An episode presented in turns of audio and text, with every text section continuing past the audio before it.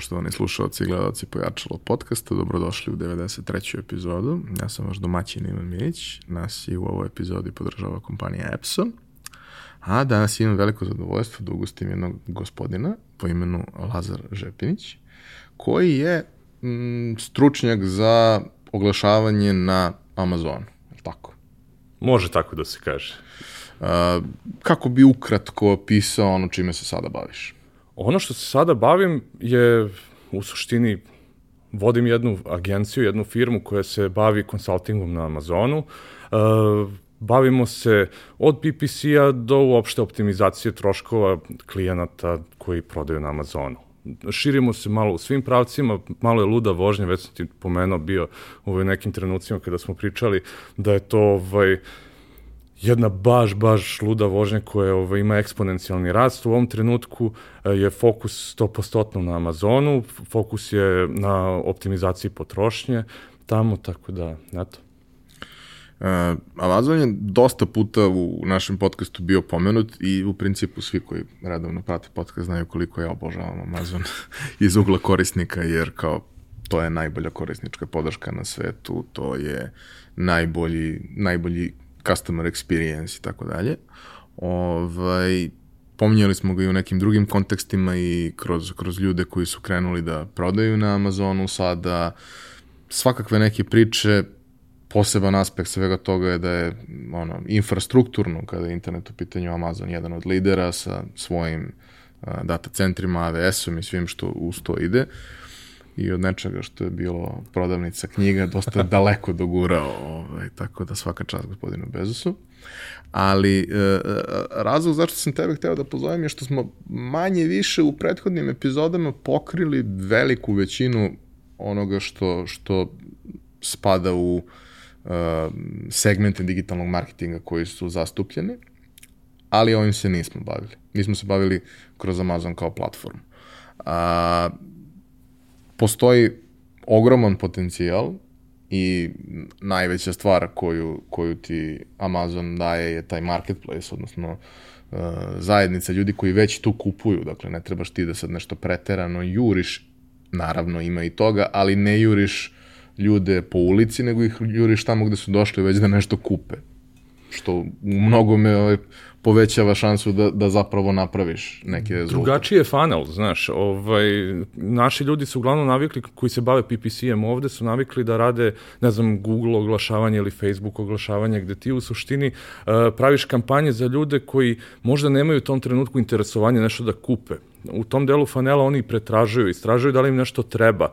Um, marketar je manje više uh, neko ko, ko im stvara i potrebu za tim nekim novim proizvodom. Dok sa druge strane ti kada si prodavac na Amazonu imaš nekoliko opcija kako možeš da budeš prodavac, a između ostalog Amazon ti pruža mogućnost da ti imaš uh, već veliki trafik ljudi koji su jako zainteresovani za kupovinu. U poslednje vreme se sve više i više javlja um, da, da, da ljudi u sve većem broju istražuju i pretražuju na samom Amazonu, da istražuju brendove ako se nešto nalazi na Amazonu ili ne. Dok sa druge strane sve skupa Amazon tebi omogućuje da ti imaš, na primjer, jedan storefront, Uh, koji je neki kao mikrosajt unutar Amazona, ukoliko si ti vlasnik brenda i imaš sklopljen brand registry 2.0, ti možeš da posjeduješ bukvalno mikrosajt u okviru Amazona, koji se toliko lako pravi da bukvalno možemo da damo bilo kom i prilično sigurno da će vrlo brzo i vrlo lako sa nekim osnovnim materijalom koji ima da uspe da napravi svoj sajt u okviru Amazona. Tako da, e, generalno imaš veliku prednost što ne moraš toliko da privlačiš mušteri, naravno moraš da ih privučeš ka svom proizvodu i ka svom brendu, ali sa druge strane ne moraš da privučeš ljude koji imaju potrebu ili želju da nešto kupe. Jer oni su već tu. Pa da. A, sve goste pitam isto pitanje, moram i tebe da pitam na početku, pošto doći ćemo do toga kako si se ti opredelio za Amazon, ali postoji neka, nešto što je tome prethodilo, ovaj, čitav tvoj razvojni put, a to šta si teo da budeš kad porastiš? Joj, to Bog otac nije znao šta sam ja hteo da porastem. Ako bi gledao po tome kako sam se školovo, to nikome nije bilo jasno. Ove, ovaj, jer sam prvo išao u medicinsku, srednju medicinsku školu i hteo sam jednog dana da budem lekar, hteo sam da budem hirurg. I ovaj, i, i išao sam, ne znam, na prakse u srednjoj školi i sve to i ovaj, nekako mi je bila gadna krv, pravo da ti kažem što baš nije dobro ako želiš da se baviš hirurgijom. Um, nakon toga sam upisao japanski, upoznao, upoznao sam tvog jednog od prvih gosti u Relju, i ovaj, mog velikog prijatelja, tako da, da ovaj, sam onda hteo da se bavim japanskim. I ovaj, bio sam toliko opčinjen Japanom, za razliku od gomile ljudi koji upišu japanski, nisam bio toliko fan kinematografije ili mangi ili animea, uh, jednostavno svidela mi se njihova disciplina, svidela mi se njihov taj kao bushido koji nisam znao tada šta uopšte predstavlja. I ovaj, tako da je od toga krenulo i onda dok sam studirao, ovaj, otvorila se tehnomanija preko puta ovaj, fakulteta i rekao, pa što ja ne bih krenuo nešto da radim kao student, ono, u završnoj godini faksa, i odem, prime me, zapos, zaposlim se tamo, posle dva dana oni meni kažu moraš da pređeš u call center.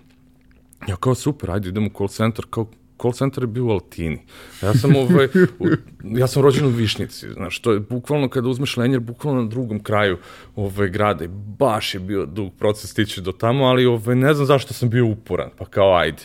Posle nekih šest meseci ovaj, počeo sam da vodim uh, internet prodaju tehnomanije, što je bilo fenomenalno u tom trenutku, jer uh, nije bilo puno internet prodavnica u Srbiji, tehnomanija je bila manje više začetnik uh, i, u, u kojim godinama pričamo? Joj, pa tome ima sada nekih desetak, malo više godina, ovaj, kada sam tamo, tamo došao. I ovaj, kako sam se tu razvio i, i ovaj, tu sam svašta nešto radio. Bukvalno ušao sam u marketing, ali u jednom trenutku ovaj, se desilo da je vlasnik tadašnje tehnomanije, osnivač čovjek koji je napravio celokupnu tehnomaniju, sve više mene zvao da učestvujem u nekim raznim aktivnostima, koje u tom trenutku su meni delovali krajne glupo, zašto bih ja ovaj, sa vlasnikom firme koje broji, ne znam, 400-500 zaposlenih, išao i raspoređivo stvari u magazinu. Znaš, ili smo išli kamionom da razvozimo stvari, što je bilo totalno ludo da čovek koji ima toliko zaposlenih, kao mi ostanemo do četiri ujutru ovaj, na poslu i kao radimo. I ovaj, ja sam mislio da je cilj svega toga bio rad. A ovaj, nešto što sam kasnije shvatio, ja sam tada imao mentora. Imao sam čoveka koji je bukvalno mene od kore naučio kako se pravi posao ko je ono maksimalno bio spreman, voljan i željan da mi pokaže kako se pregovara, kako se, uh, kako se kreće od ni od čega, bukvalno od neke nule i kako se to razvija. I odatle sam, sam ušao u neki marketing u samoj toj tehnomaniji uh, i imali smo jednu spoljnu firmu koja, koja nam je radila PPC.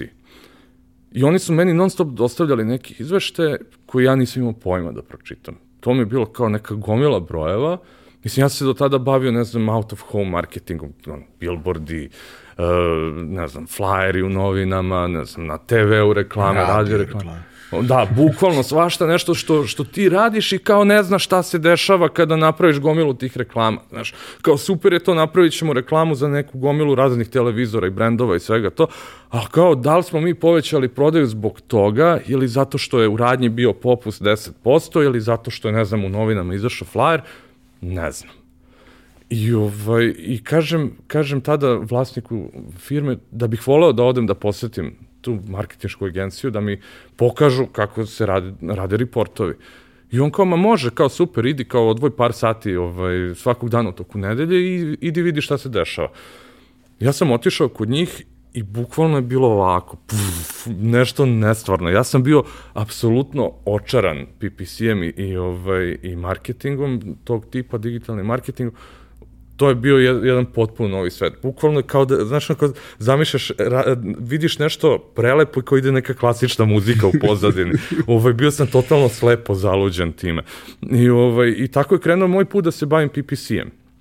Nakon Tehnomanije sam se uh, zaposlio u jednoj firmi koja um, se bavi e-commerceom, jedna od najvećih e-commerce firmi u Evropi, a imala je predstavništvo u Srbiji i baš u Balkanskoj. I tamo sam se zaposlio kao PPC specialist. I tu sam se prvi put sreo sa Amazon PPC-em, gde su oni sa jednim uh, prilično velikim portfolijom proizvoda, nekih 150.000 proizvoda su imali u tom trenutku i prodavali su ih između ostalog na evropskom Amazonu, koji uh, je u tom trenutku, Amazon je ceo u tom trenutku delovao kao mlađi retardirani brat Google-a, iskreno, a ovaj, onda možeš da zamisliš kada tako nešto što vidiš u Americi se spusti na još jedan niži nivo u Evropi, u Evropskoj uniji. I, ovaj, I tu sam manje više krenuo da, da, da ulazim u Amazon priču. Nakon toga sam postao direktor prodaje ov, posle jednog dužeg puta u, u jednoj britanskoj firmi e, koja je prodavala prilično na, na samom Amazonu. Neki 90% prodaje njihovih kafe aparata, pošto se firma ovaj, bavi proizvodnjom kafe aparata za, ne znam, espresso i za sve živo, uh, je išao preko Amazona.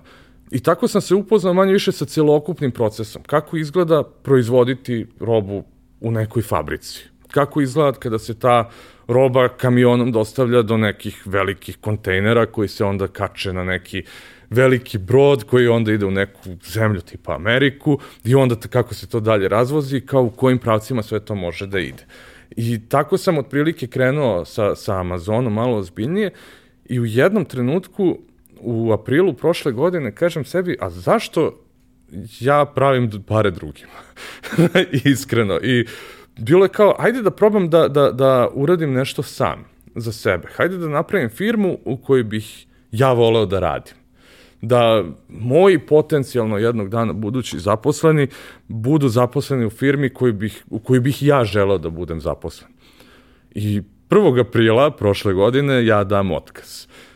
I to se desilo kada sam bio na, na Evropskom samitu uh, Amazon prodavaca u Pragu.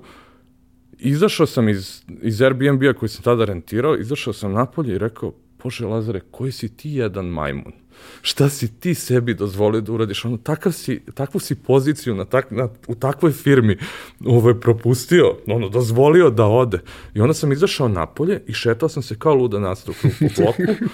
I ovaj, nešto što je, što je prilično gotivno bilo u tom trenutku je to što sam već ušao u top 100 konsultanata za Amazon na svetu, pošto postoji kao neka zajednica Amazon konsultanata i ovaj, već jednu treću, četvrtu godinu sam bio u njoj, i jednostavno stvorio mi se prostor da mogu da imam svoje klijente.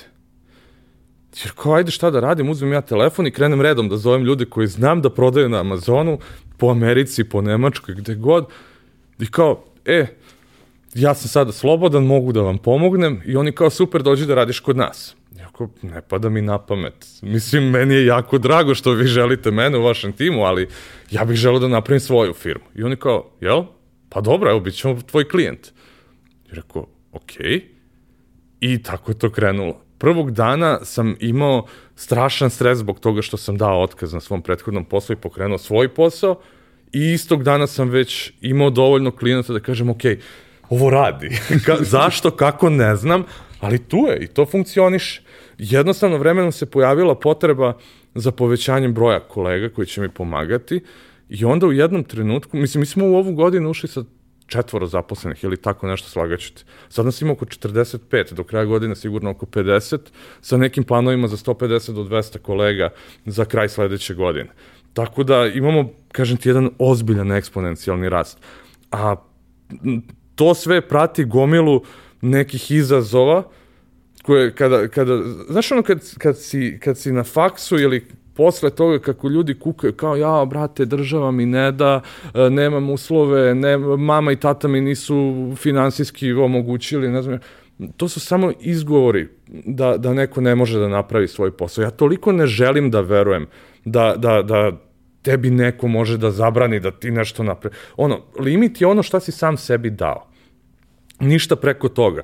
Tako da, u, u, u suštini, ako si nešto zacrtao sebi u glavi, apsolutno si, ono možeš to da izguraš. Ne postoji ništa što što ne možeš da izguraš. Ono kada bih krenuo da nabrajam šta smo mi sve kao firma do sada uradili.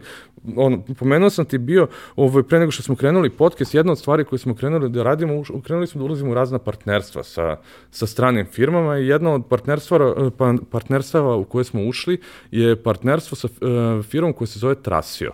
Trasio je najbrže rastući unikorn u istoriji Amerike, što znači za one koji ne znaju šta je unicorn, to je e, firma koja je uspela da napravi milijardu dolara vrednosti.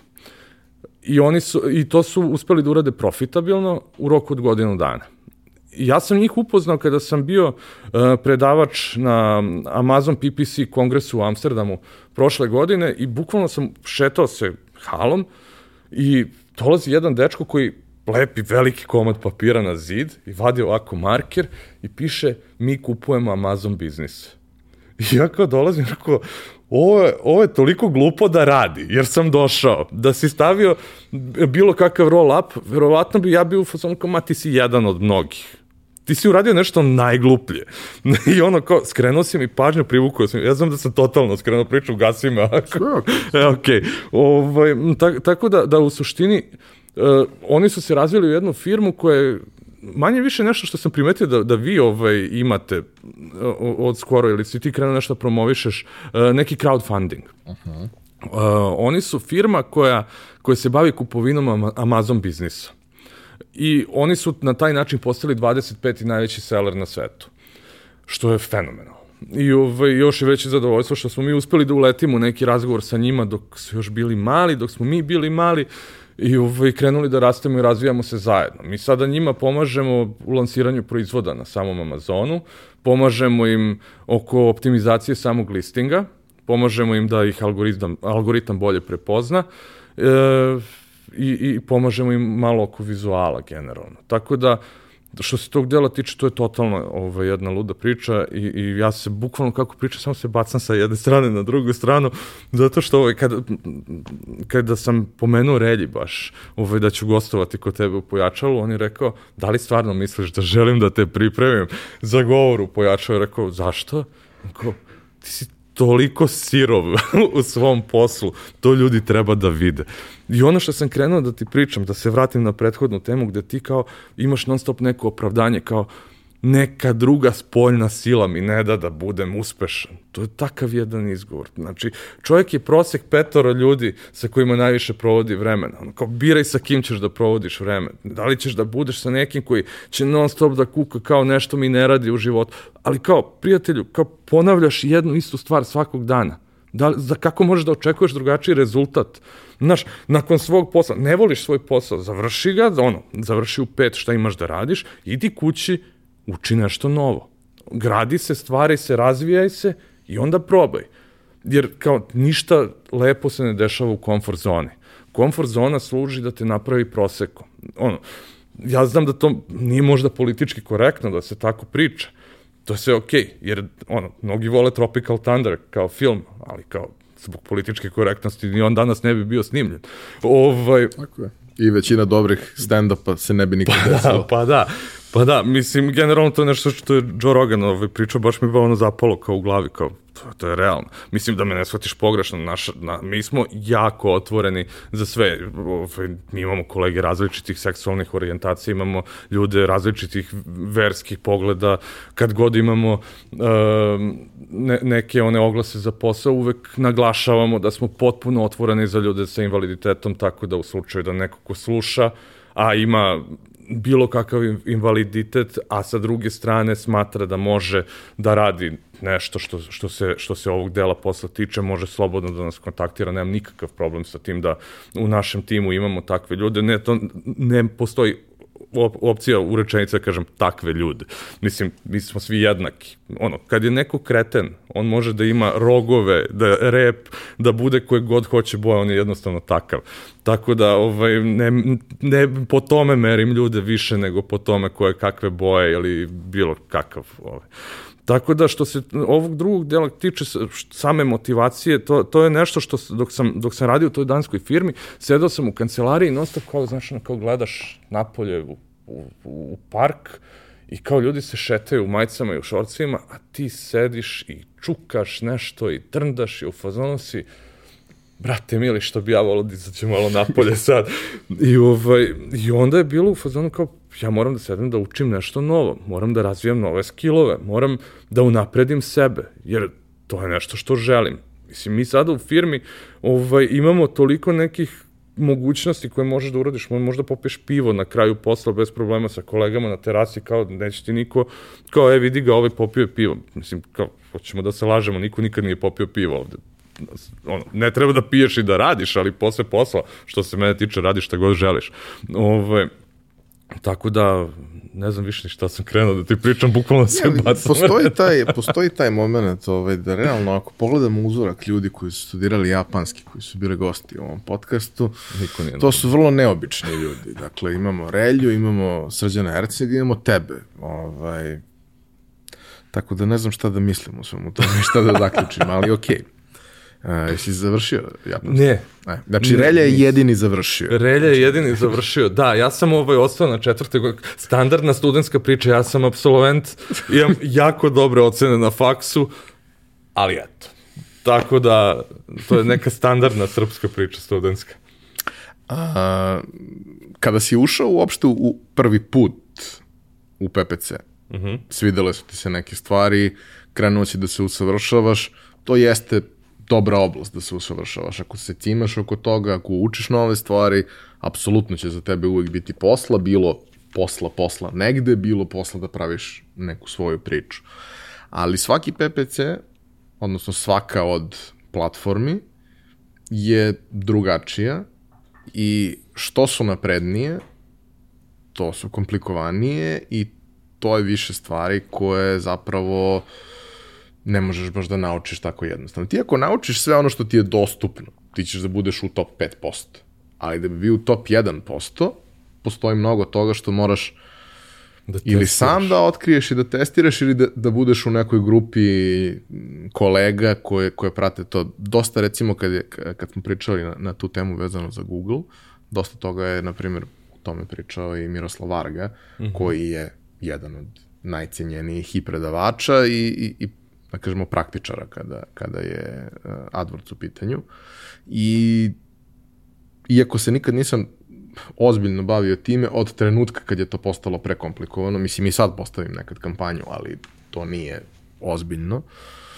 Uvek kada ga slušam, čujem neke potpuno genijalne ono, insajte i načine razmišljanja koje to nosi. I to je nešto što, što meni recimo tu stvar čini zanimljivo. Ja sam generalista i verovatno se nikad u životu neću specializirati za nešto, jer kao sad je kasno, verovatno ovaj, da, se, da se usmerim, za, jer imam previše različitih interesovanja, ne bi mogao da se odlučim, a dan ima samo 24 sata.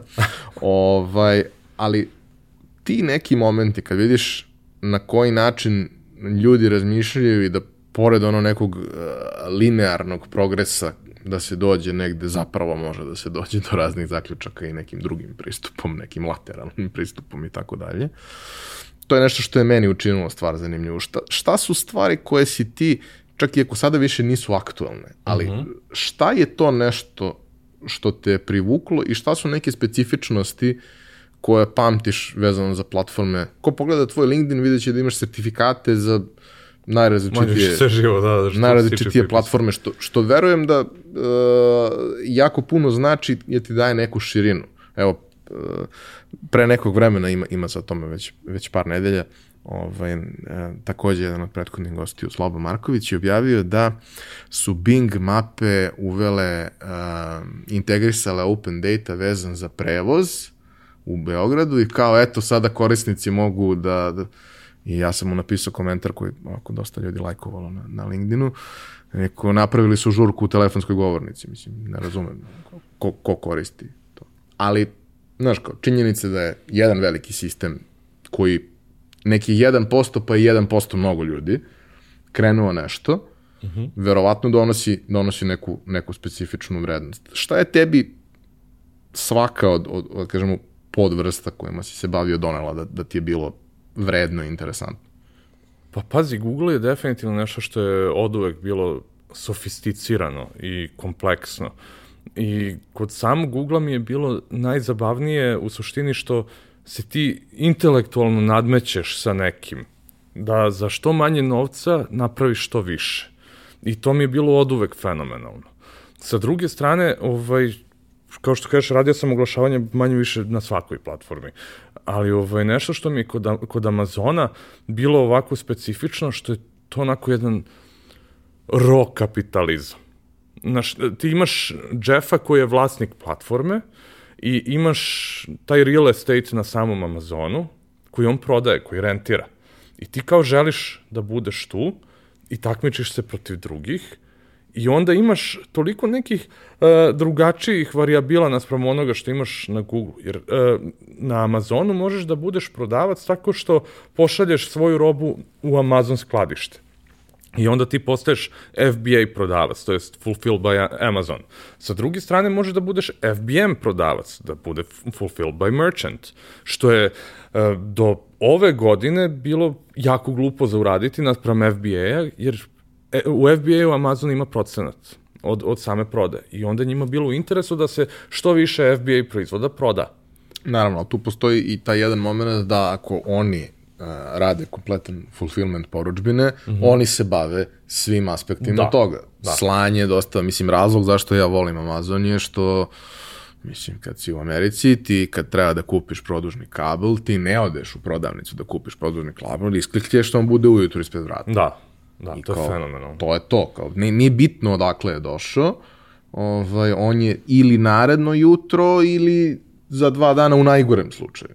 Još ako, mislim, a naravno kao svaki pravi Srbin kada odeš u Ameriku uzmeš prime tih mesec dana, ovaj, s, ono, second day shipping imaš uvek uključena, a vrlo često se dešava da imaš i same day ako si u nekom većem gradu i ako malo probereš da. šta ćeš uzimati. Mislim, meni je, meni je ceo taj moment uh, kako njihova distribucija funkcioniše i kako je to organizovano ano. i uh, kako se rade predikcije na osnovu jer kao imaš beskonačnu količinu podataka, pa možeš da predvidiš šta će ljudi kupovati gde i kad.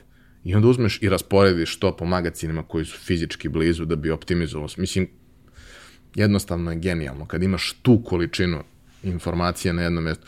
Imaš mnogo takvih stvari i na Google-u i na Facebooku, ali nije konkretna prodaja, nego je dosta toga što vodi ka toj prodaji. Da. Ali nemaš taj konkretan moment da to zapravo možeš da, da, da povežeš sa, sa samim trošnjem. Mislim, imaš u analitici, možeš da vidiš šta je izazvalo šta, ali nije isto. Definitivno, definitivno. I ono što je zanimljivo, ovo što kažeš za, za, te, za njihova skladišta, ti ne moraš kao prodavac da pošalješ, ne znam, svoju robu u sva ta skladišta.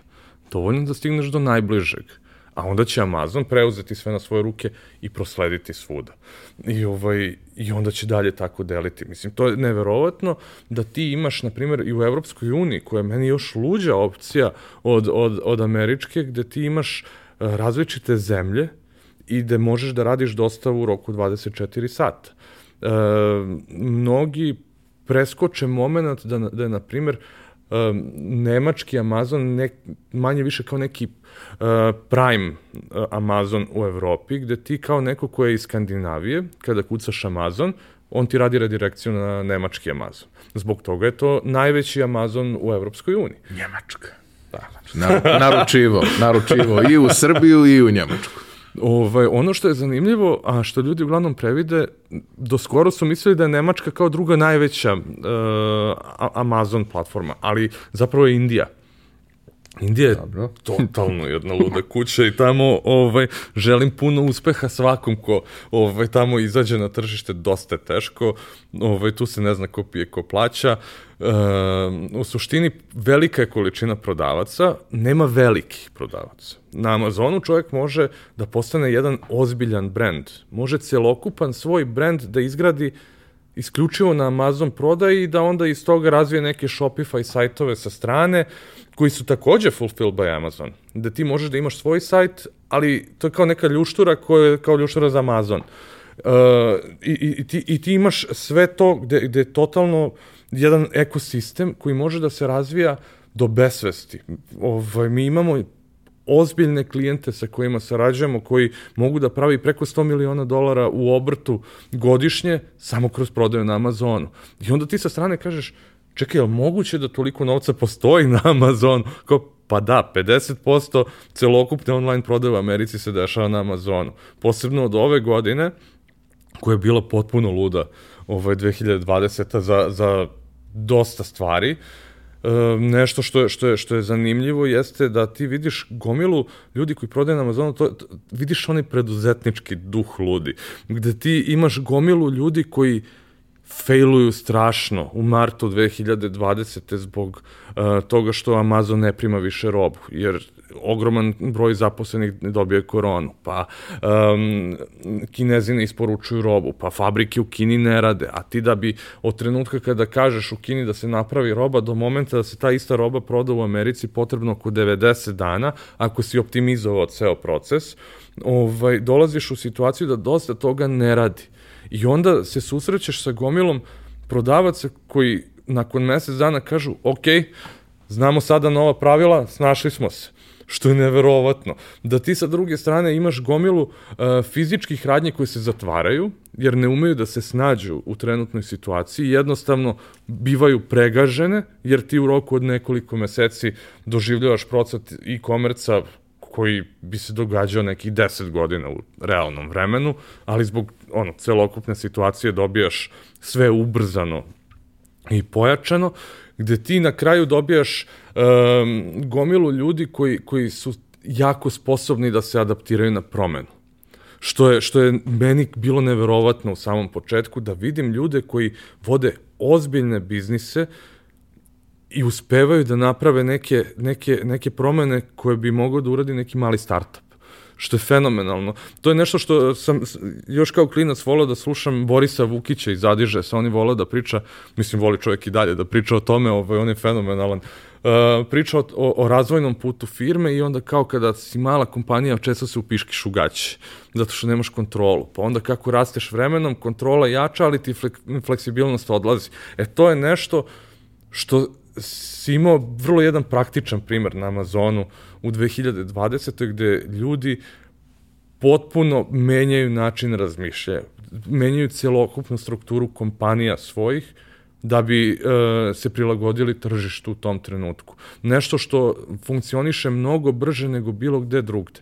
Čak mislim da e, i ljudi koji prodaju na svojim sajtovima nisu imali do te mere e, takvu potrebu za promenom jer ti kada imaš svoj sad, ti, ti živiš manje više u svom ekosistemu koji si ti tu napravio i onda se boriš na, na tim nekim uh, pretraživačima za, za, za trafik, za ljude koji, koji bi možda mogli nešto da kupe. Na Amazonu, kao krenuli smo svi sa, sa istim problemom, svi imamo istu promenu i kao, ajde da vidimo ko će da pliva. Uh, Znaš, i to je, to je jako zabavno ovaj, za videti. Mislim, meni je bilo sa jedne strane zabavno, nije mi bilo zabavno zato što sam svim klijentima dao mesec dana besplatno i platio ovaj, plate svojim zaposlenim od svojih para, to mi apsolutno nije bilo zabavno toliko, ali sa druge strane je zabavno videti koliko ovaj, su ljudi spremni da se adaptiraju na promenu.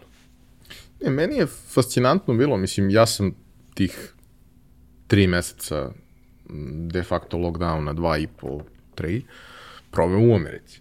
Mhm. -huh. Bio sam zarobljen tamo i to je automatski značilo da sam osuđen na, na Amazon. Ok, koristili smo mi dostave hrane, povremeno smo i išli u nabavku ono, kad, kad nisu kad nisu uh mhm. -huh. baš udarni neki sati i tako dalje, što se tiče hrane i tih stvari, ali sve ostalo, mislim, znaš, kao ritual je ustaneš ujutru, ideš da vidiš šta ima ispred vrata ko da, da je da, Nova da, godina. Da, da. Ovaj, u, u par navrata su to bile neki, pošto kao prijateljici kod koje smo bili ogromna dnevna soba i sad tu ispred televizora je u nekoliko navrata postojala neka ogromna količina kutija. Jer način, pored toga što, što Amazon to isporučuje, da, način na koji su sve te stvari spakovane je uvek fantastičan. I recimo kad je, kad je uh, Nikola Stanišić bio ovdje i pričao svoje mm -hmm. iskustvo sa sa ovaj, slanjem robe za, za, za prodaju na Amazonu, jedan poseban moment je kao da ti imaš ceo set stvari koje moraš da ispuniš što se tiče pakovanja. Da ta roba mora da bude takva da može da padne sa metar i po i da se ništa ne desi, a ti prodaješ tegle nečega. Znači, zaista nije baš tako jednostavno napraviti Izazov. to sve, ali kao, znaš, uh, nije baš da, da, da, da lutaš po mraku. Ti zapravo, meni kao korisniku je uvek bilo važno to što je onboarding korisnika relativno jednostavan i sve te neke stvari koje bi meni bile interesantne da znam, da vidim, provede me Amazon kroz proces. Ja uvek kad pričam ljudima kako da naprave dobar e-commerce, kažem idite prođite kupovinu na Amazonu, naručite knjigu, nije bitno. Znači, samo vidite kako funkcioniš. E, to isto treba tako i to je to. Ako hoćeš da ti bude jednostavnije, super, ali kao vrlo verovatno ne treba da dodaš ništa što tamo nema, jer vrlo verovatno su oni mislili o svemu, testirali prethodnih 100 godina to i, i napravili ono, imaju, imaju uh, rezultat 100 godina researcha za jedan dan, zato što imaju toliki volijum i kao jednostavno tako je. I sad, uh, sećam se jednog od tekstova koji mi je bio potpuno genijalan, čak sam u nekom trenutku ga i uh, šerovao sam ga, parafrazivao sam ga u nekim ovaj, uh, i webinarima i tako dalje, a to je da, da koliko god to ono kao bi mi ne kapirali možda, uh, razlog zašto to sve funkcioniše je vrhunska organizacija, ali ne samo vrhunska organizacija u delu online i svega toga, već svega onoga što je iza toga. I kao danas kad pričaš sa e-prodavcima u Srbiji, svim, uključujući tvog bivšeg poslodavca i svi ostali, ovaj, kao jedan problem koji postoji je što, ajde, deo njih prodaje robu koju nema, pa dok je nabavi, pa isporuči, to traje neko vreme. Ali drugi problem je što ti, ako imaš robu, ako nemaš svoju distribuciju, ti ne možeš da se pouzdaš ni u šta. A u Americi to funkcioniše. I u, ono, 95 od 100 slučajeva će sve biti tačno onako kako je sistem predvide, u 5 će da zakasne par sati. Čak i ako dođe do bilo kakvog problema, meni se par puta dešavalo da, mislim, da ono, paket ne bude isporučen ili bude isporučen pogrešno ili nešto. Iskustvo komunikacije sa Amazon podrškom je najdivnije iskustvo na svetu. Čini se, a ja nekako mislim da, da ono, poenta korisničke podrške upravo to, čini se da je tim ljudima zapravo stalo da ti reše. Da. Da ti iz toga izađeš zadovoljan. Što ako, je, ako si ikad probao da komuniciraš sa našim call centrima, mislim, znam da se radi o call centru, žao mi je što to kažem sad, ovaj, ali ako si probao nekada da komuniciraš sa našim call centrima, nikome nije u interesu da ti reši problem. Svi imaju u interesu da zaštite kompanije. I uvijek je to varijanta, ne znam, ono kao, znaš, kupio si, nemam pojma, aparat za kokiti crko je, jer kao aparati crknu. Ti ga pošalješ, kao, kažu ti gde da, prvo ti treba vremena da saznaš gde ga pošalješ. Dobro, pošalješ ga i kao 45 dana je rok. Onda ti 44. dan jave da će da produže rok, jer to isto imaju pravo. I kao 90 dana kasnije aparat od 2500 dinara i dalje niko ne zna ni šta se dešava, ni gde je, ni šta je.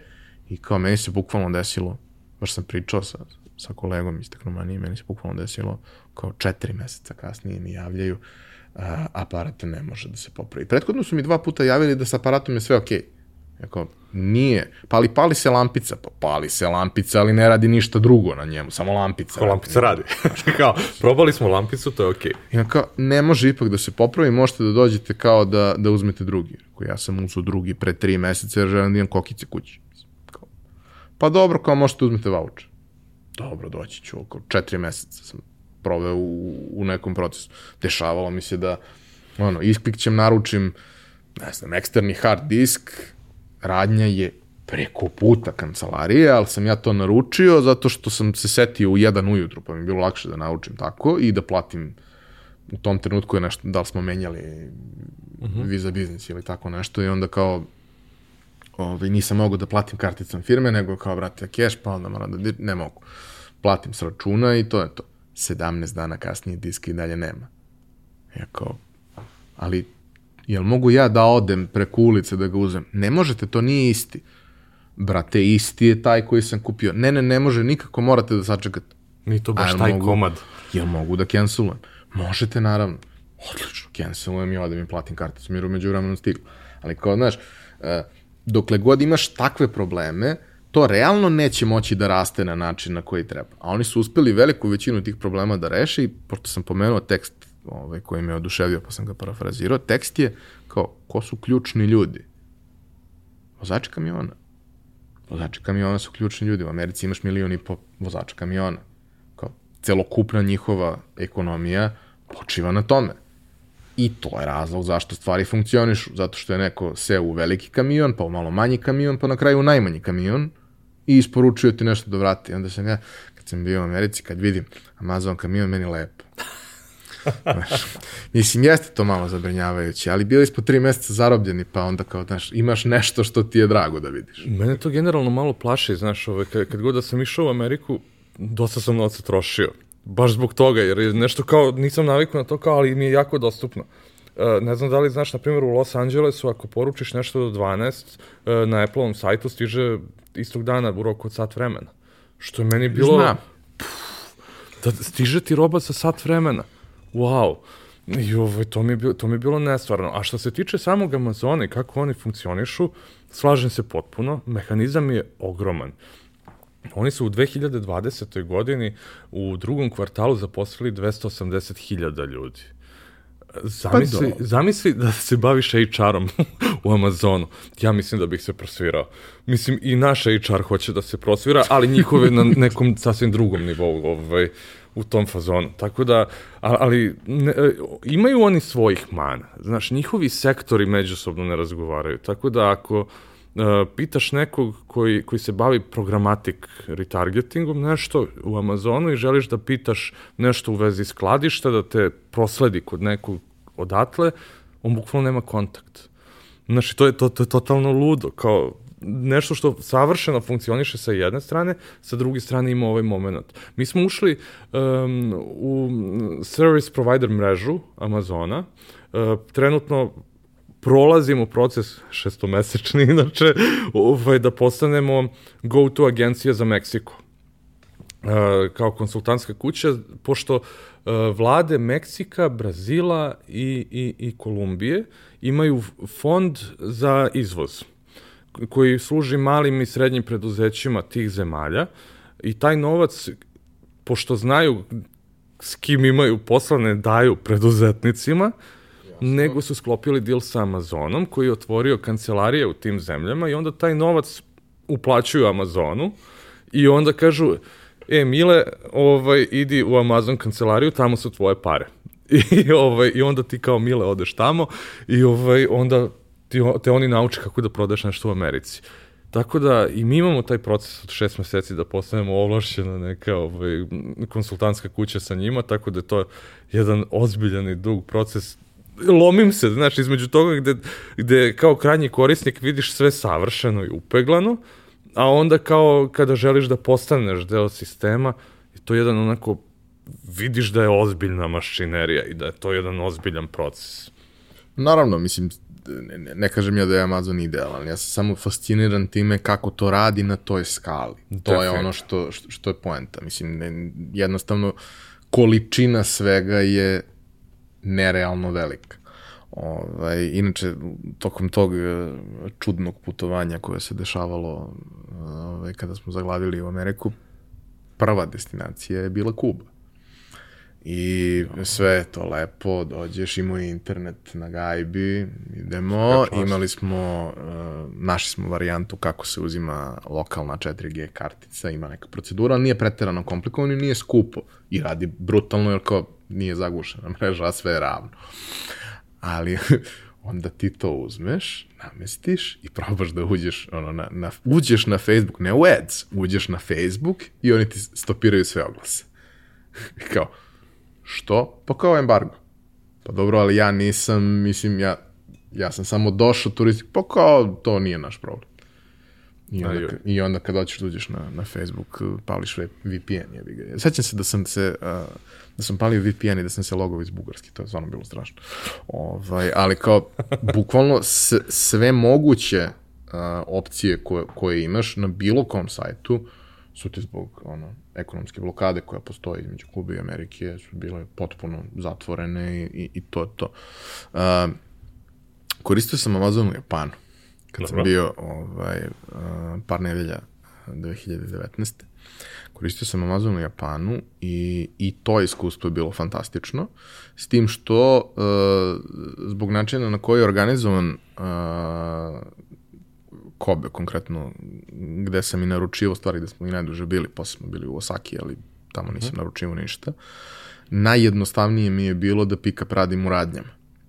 Jer oni mogu da dostave u bilo koji od nekoliko lanaca, a ne znam, 7-Eleven imaš bukvalno na svakom Svuda, trećem da. čoš, ćošku i onda sam ja tamo pick-upovao sve to i to je još jednom kao, znaš, fantastično iskustvo. I ono što je meni bilo neverovatno je kao, ok, napravio si nešto što funkcioniše u zemlji iz koje si, sve to ok, i onda si to skalirao na druge zemlje i to radi. Znaš, kao, uh, do sad, evo, mislim, šta mi sad pada na pamet da, da probam da napravim paralelu, ja sam do sad Amazon naručivo SAD, UK, Nemačka, Japan i verovatno još negde. I svuda je sve funkcionisalo besprekorno, svuda sam se logovao sa istim akauntom, svuda je zapamtio sve što je trebalo da zapamti, svuda sam bukvalno isklikto šta treba i to je sve radilo besprekorno. I to mi je ono, znaš, kao, ok, u, u Americi si potekao, u Americi si gradio sve od nule, to sve ima svoju priču i svoj smisao, ali kao izlaci na ta neka tržišta su mi potpuno neverovatni. Da ti kažeš, Indija je drugo najveće tržište. Negde je logično zato što ima milijardu da. ljudi, negde je logično da bude Kina, ali zbog celokupne mhm. -huh. situacije tamo i činjenice da postoji Imaju i ta Alibaba. imaju Alibabu. A? Ovaj, jasno je što, što Amazon nije ovaj, tamo prisutan, ali e, prosto je neverovatno da kao takva stvar koja nije ni malo trivialna i jednostavna može da funkcioniše možda je to taj moment da si dovoljno veliki igrač da možeš da diktiraš uslove i bukvalno da kažeš što, što bi možda i ovde moglo da bude slučaj kada bi se prodavci udružili što je naravno nemoguće da se desi u, u Srbiji da se udruži bilo ko oko bilo čega ozbiljno, ali da kao kažu, e, kurirske službe, mi vam donosimo 70% prometa i svega, zahtevamo da ispoštujete određeni standard. Ne treba to sad da bude same day delivery. Super je kad je same day delivery, ali to je mnogo daleko. Ali ajde da kažemo da u roku od tri dana će stvari da se dese i da ćemo mi imati tracking i da ćemo imati sve, jer kao 2020. godina je, svako ima pametni telefon, svako ima sve uslove da se to desi, samo se to ne dešava jer može da se ne desi. Da, dosta boli. Ja mogu da ti potvrdim, evo danas je sreda, prošle srede sam poručio pet računara kao firma za firmu još uvek ih čekam. Znaš, tako da to je proces koji kod nas malo duže traje. Ne znam baš da ti kažem zbog koga i zbog čega, ali generalno kod nas to baš ne funkcioniše kako bi, kako bi to generalno trebalo da radi. Ajde da probamo samo da, da, da napravimo, uh, ti si već to pominjao, ali da, da to malo proširimo i posložimo. Uh, šta su sve usluge koje vi radite na, na Amazonu? Ajde da krenemo iz ugla. Ja sam mm, mali prodavac koji ima ideju ili ima veći proizvod, ima sve, ali još uvek nije ušao u priču sa distribucijom svega toga, ja se vama obratim i vi onda mene provedete kroz, kroz ceo proces. Šta taj proces podrazumeva, odnosno šta je sve potrebno da se desi i na čemu može sve da se radi. Pazi, u suštini u tom delu je neophodno odlučiti strategiju, u kom pravcu želiš da ideš, pošto ti Amazon omogućuje dosta različitih puteva kako da stigneš do cilja, ovaj, do, do same prodaje. Tako da, od tebe kao prodavca zavisi da li ćeš želeti da dostaviš Amazonu robu ili ćeš želeti da sam ovaj, dostavljaš dalje, neophodno je um, da se registruješ na samom Amazonu.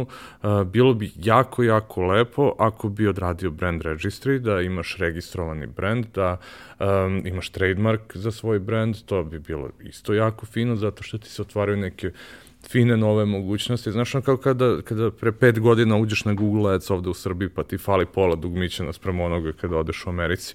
Ovo je, e pa tako je i ovde jednostavno kada si vlasnik svog brenda, omogućuje ti se ceo jedan novi set aktivnosti koje možeš da imaš. Možeš da imaš Amazon Posts, koje su manje više kao društvena mreža unutar Amazona, gde ti možeš da kačiš svašta nešto, pa imaš opciju tog storefronta koji tako redu, možeš svašta nešto da uradiš. E sad, što se tiče toga šta bismo mi mogli da ponudimo nekome ko prodaje na Amazonu ili želi da prodaje na Amazonu, mi uh, njima možemo da pomognemo oko optimizacije samog prezentovanja proizvoda na Amazonu, možemo da im pomognemo oko optimizacije troškova. E, generalno, to je jedan ceo spektar različitih aktivnosti e, sama prodaja na Amazonu. To je bukvalno možeš da izgradiš firmu samo uh, sa zaposlenima koji će raditi u različitim sektorima za, da, da pokriju ovaj, to na Amazonu. Tako da, u suštini, mi više volimo iskreno da, da komuniciramo sa nekim koji je već dostavio robu u Amazon i onda da mu pomognemo. Um, ne radimo ništa što se tiče dela da, da, da ti sređujemo papirologiju kako da robu izvezeš, Mislim, ako već ne, ne umeš dotle da stigneš, onda ćeš verovatno imati problema i u nekim daljim aktivnostima. Uh, što se tiče dostave robe, ako želiš u sam Amazon da dostaviš, mislim da je najbliže poslati u Češku, pošto postoji u Češkoj jedan veliki warehouse na Amazonov i onda oni to dalje rasporede ovaj, za Europsku uniju. Um, dalje nas kontaktiraš mi on, i daš nam pristup samom tvom nalogu, mi uđemo unutra, uh, ono, potpišemo jedan NDA čisto da budeš miran, da nećemo da se igramo sa tvojim podacima, e, onda mi manje više prežvaćemo sve što imaš.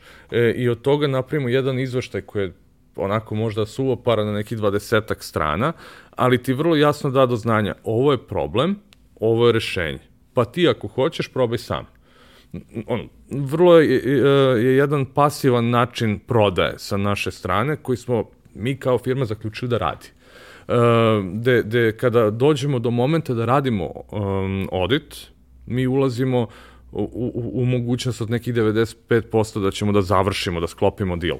Tako da, da generalno to tako funkcioniš. E, napravimo ti audit svega, ti vidiš da li ti se sviđa, nakon toga krećemo sa komunikacijom, krećemo sa radom na samom nalogu, krećemo sa e, uređivanjem kampanja, optimizacijom novca koji ulažeš na sam Amazon, uh, što se tiče samog listinga pomažemo ti sa, ne znam, ključnim rečima koje se koriste da algoritam prepozna sve. Jer razlika, na primjer, između nečeg što je prilično standardno na Google naspram Amazona da ti koristiš ključne reči ne samo u kampanji, na primjer, za koja se tiče marketinga, nego ti imaš uh, svoj listing i taj listing ima svoj backend. I ti uh, imaš algoritam koji čita title, čita bullet pointer, čita description, uh, indeksira sve to, pored toga indeksira Q&A na samoj stranici proizvoda, a pored svega toga imaš i backend samog proizvoda gde ti možeš da filuješ manje više sa svim i svačim, ne ono old school Google puni ključnim rečima do besvesti, nego nešto što je relevantno, ali ti u tom trenutku nije delovalo kao nešto što bi trebalo da bude sam sadržaj uh, listinga koji je okrenut ka Amazonu, gde mi onda obezbeđujemo sve te informacije dalje. E, bukvalno sada kada, kada objašnjavaš e, kako stvar funkcioniše, to zaista jako podsjeća na, na, na ono što se radi uh, na Google, ali iz aspekta i SEO-a i aspekta PPC-a. Da. I uh, pristup koji si pomenuo, opet vratit ću se na, na gospodina Vargu koji kaže sve što treba da naučite je dostupno i sve što treba da naučite suštinski na Google besplatno. Razlog zašto mene treba da platite je zato što vam treba 10 godina da naučite ovo što je do sad postojeće od znanja i kada to naučite, bit ćete 10 godina u zaostatku. A ja mogu to da vam prepričam u 10 dana ili da uradim taj posao za, za vas.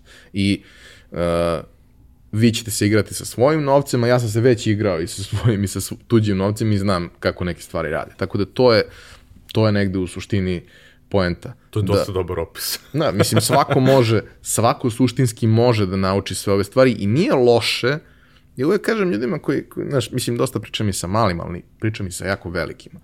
Uh, kada je u pitanju oglašavanje i kada krenu da razmišljaju uopšte o tome da, da rade neku vrstu performance oglašavanja. Kao branding, super, to je ono lepo. Ja volim da radim, lepo je. Ali kao performance je vrlo konkretna stvar. Kao, da. koja, je, koja je povratna investicija. I kad, kad im pričaš to kao, pa ne, ali mi, mi želimo sve da outsourcujemo, želimo da se bavimo time morate se baviti time. Morate da se bavite time na nivou da razumete. Da. Ne treba da se bavite time operativno, ali treba da razumete, jer kao neko ko dođe sa strane da bude vaš podizvođač, partner, on ne zna vaš posao. Uh mhm. -huh. Vi znate vaš posao, on zna svoj posao. U magiji koja se dešava kad ta dva sarađuju, nastaje čudo. Ali kao, ako vi ne razumete šta je ono što oni rade, a oni ne razumeju šta je ono što vi radite, dobit ćete relativno slabe efekte u odnosu na to šta bi moglo. Po prirodi stvari agencija se trudi da razume, ali vrlo često, kažemo, sa, sa, sa velikima, a i sa malima iz drugih razloga, jer su kapaciteti vrlo ograničeni, oni ni ne pokušavaju da razumeju, nego došli su po rešenju. Vrlo je to teško, da kažemo, naći dobar balans i naći dobar odnos između tih stvari. Kako, kako je tvoje iskustvo? Znaš kako, agencije u suštini imaju dve opcije u zavisnosti od toga koliko je velika agencija. Ili ponude neka rešenja e, i sistem na koji su oni navikli, kao agencije koji smatraju da radi, i onda ti kao prodavac se tome prilagođavaš. Znaš, od nekih krajnje osnovnih stvari gde ti kažu mi komuniciramo putem Slack i moraš da koristiš od sada Slack ako želiš da radiš sa nama i imamo bi-weekly pozive. Čujemo se jednom u dve nedelje. Reporting je lupam, sredom ili nešto tako. Dok sa druge strane uh, imaš sve što je custom tailored i custom made za tebe.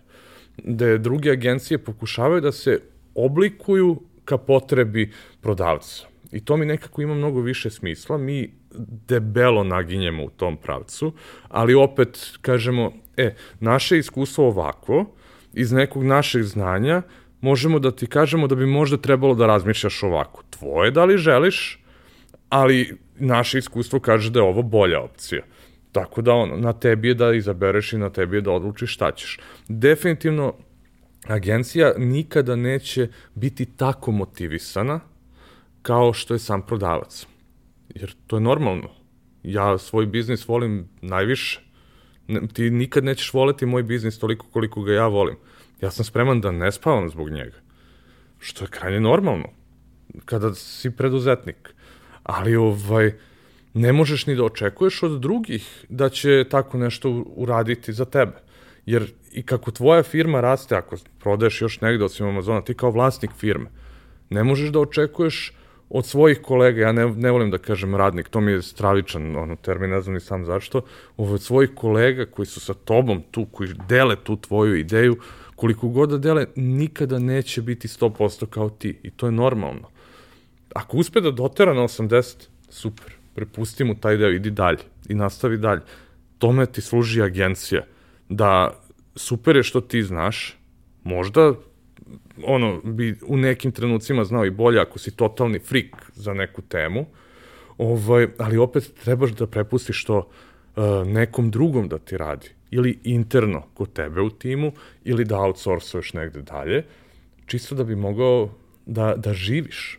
Jer uh, neki ljudi sa kojima sarađujemo uh, biraju, a naravno znaju taj posao da rade, oni biraju uh, da li time kupuju svoje slobodno vreme ili time kupuju vreme da se investiraju u nešto dalje. Da se investiraju dalje u svoj biznis. I Tako bi trebalo gledati spoljne konsultante, jer niko tu nema čarobni štapić.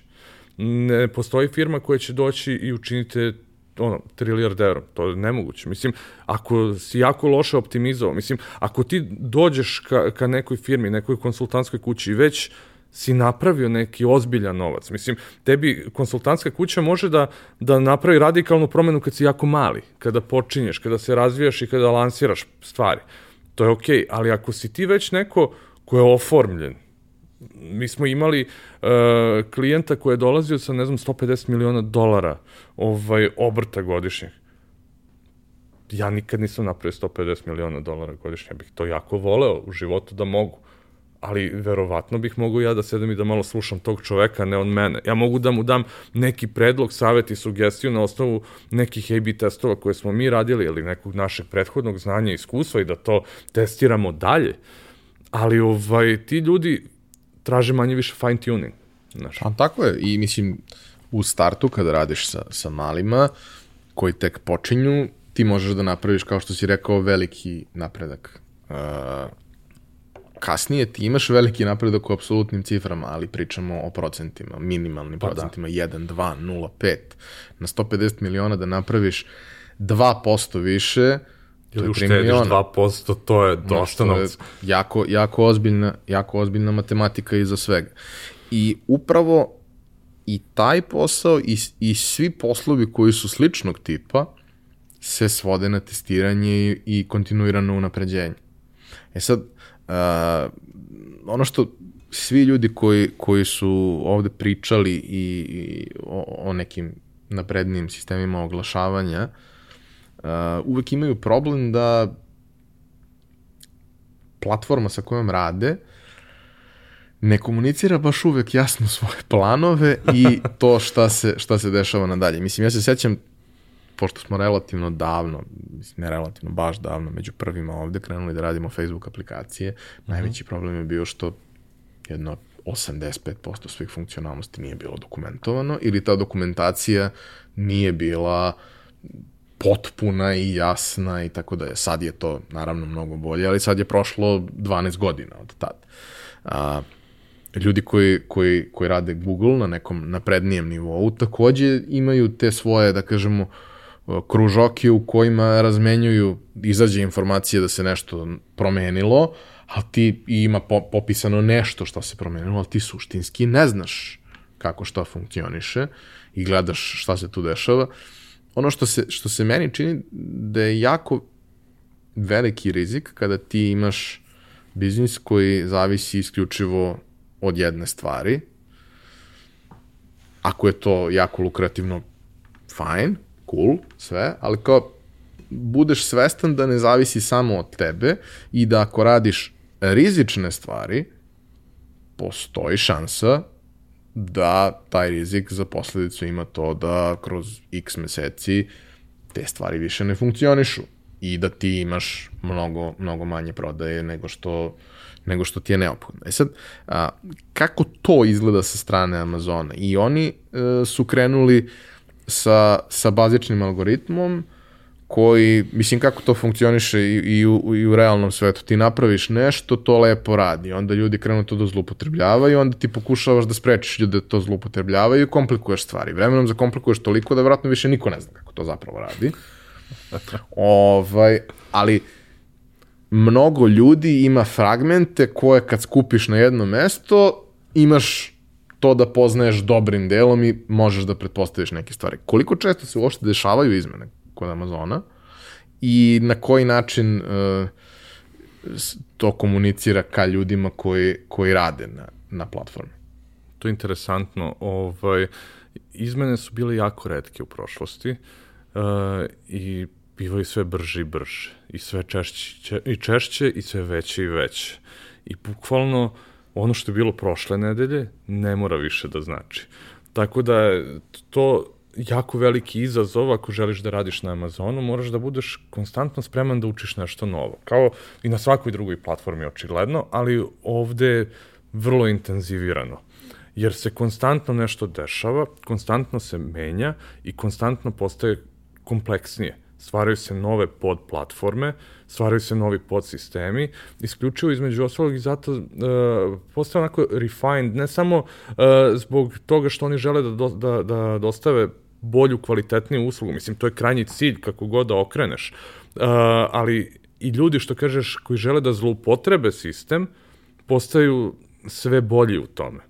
I onda oni imaju problem da, da konstantno zatrpavaju te rupe i onda dok oni zatrpavaju rupu tako što kopaju na drugom mestu i onda to tako non stop puca negde nekom šavu pa se negde vezuje, ali generalno um, Amazon je platforma koja se razvija konstantno i konstantno, uh, na primjer kada pitaš ljude koji su prodavci na Amazonu već godinama, uh, oni kažu da to nije ista platforma više uopšte, mislim, što ima krajnje smisla, jer ti, na primjer, pre pet godina na Amazonu nisi imao negativne ključne reči kao u kampanjama, ako si se bavio marketingom na Amazonu, što je totalno bilo ono kao šta imate vi ovde.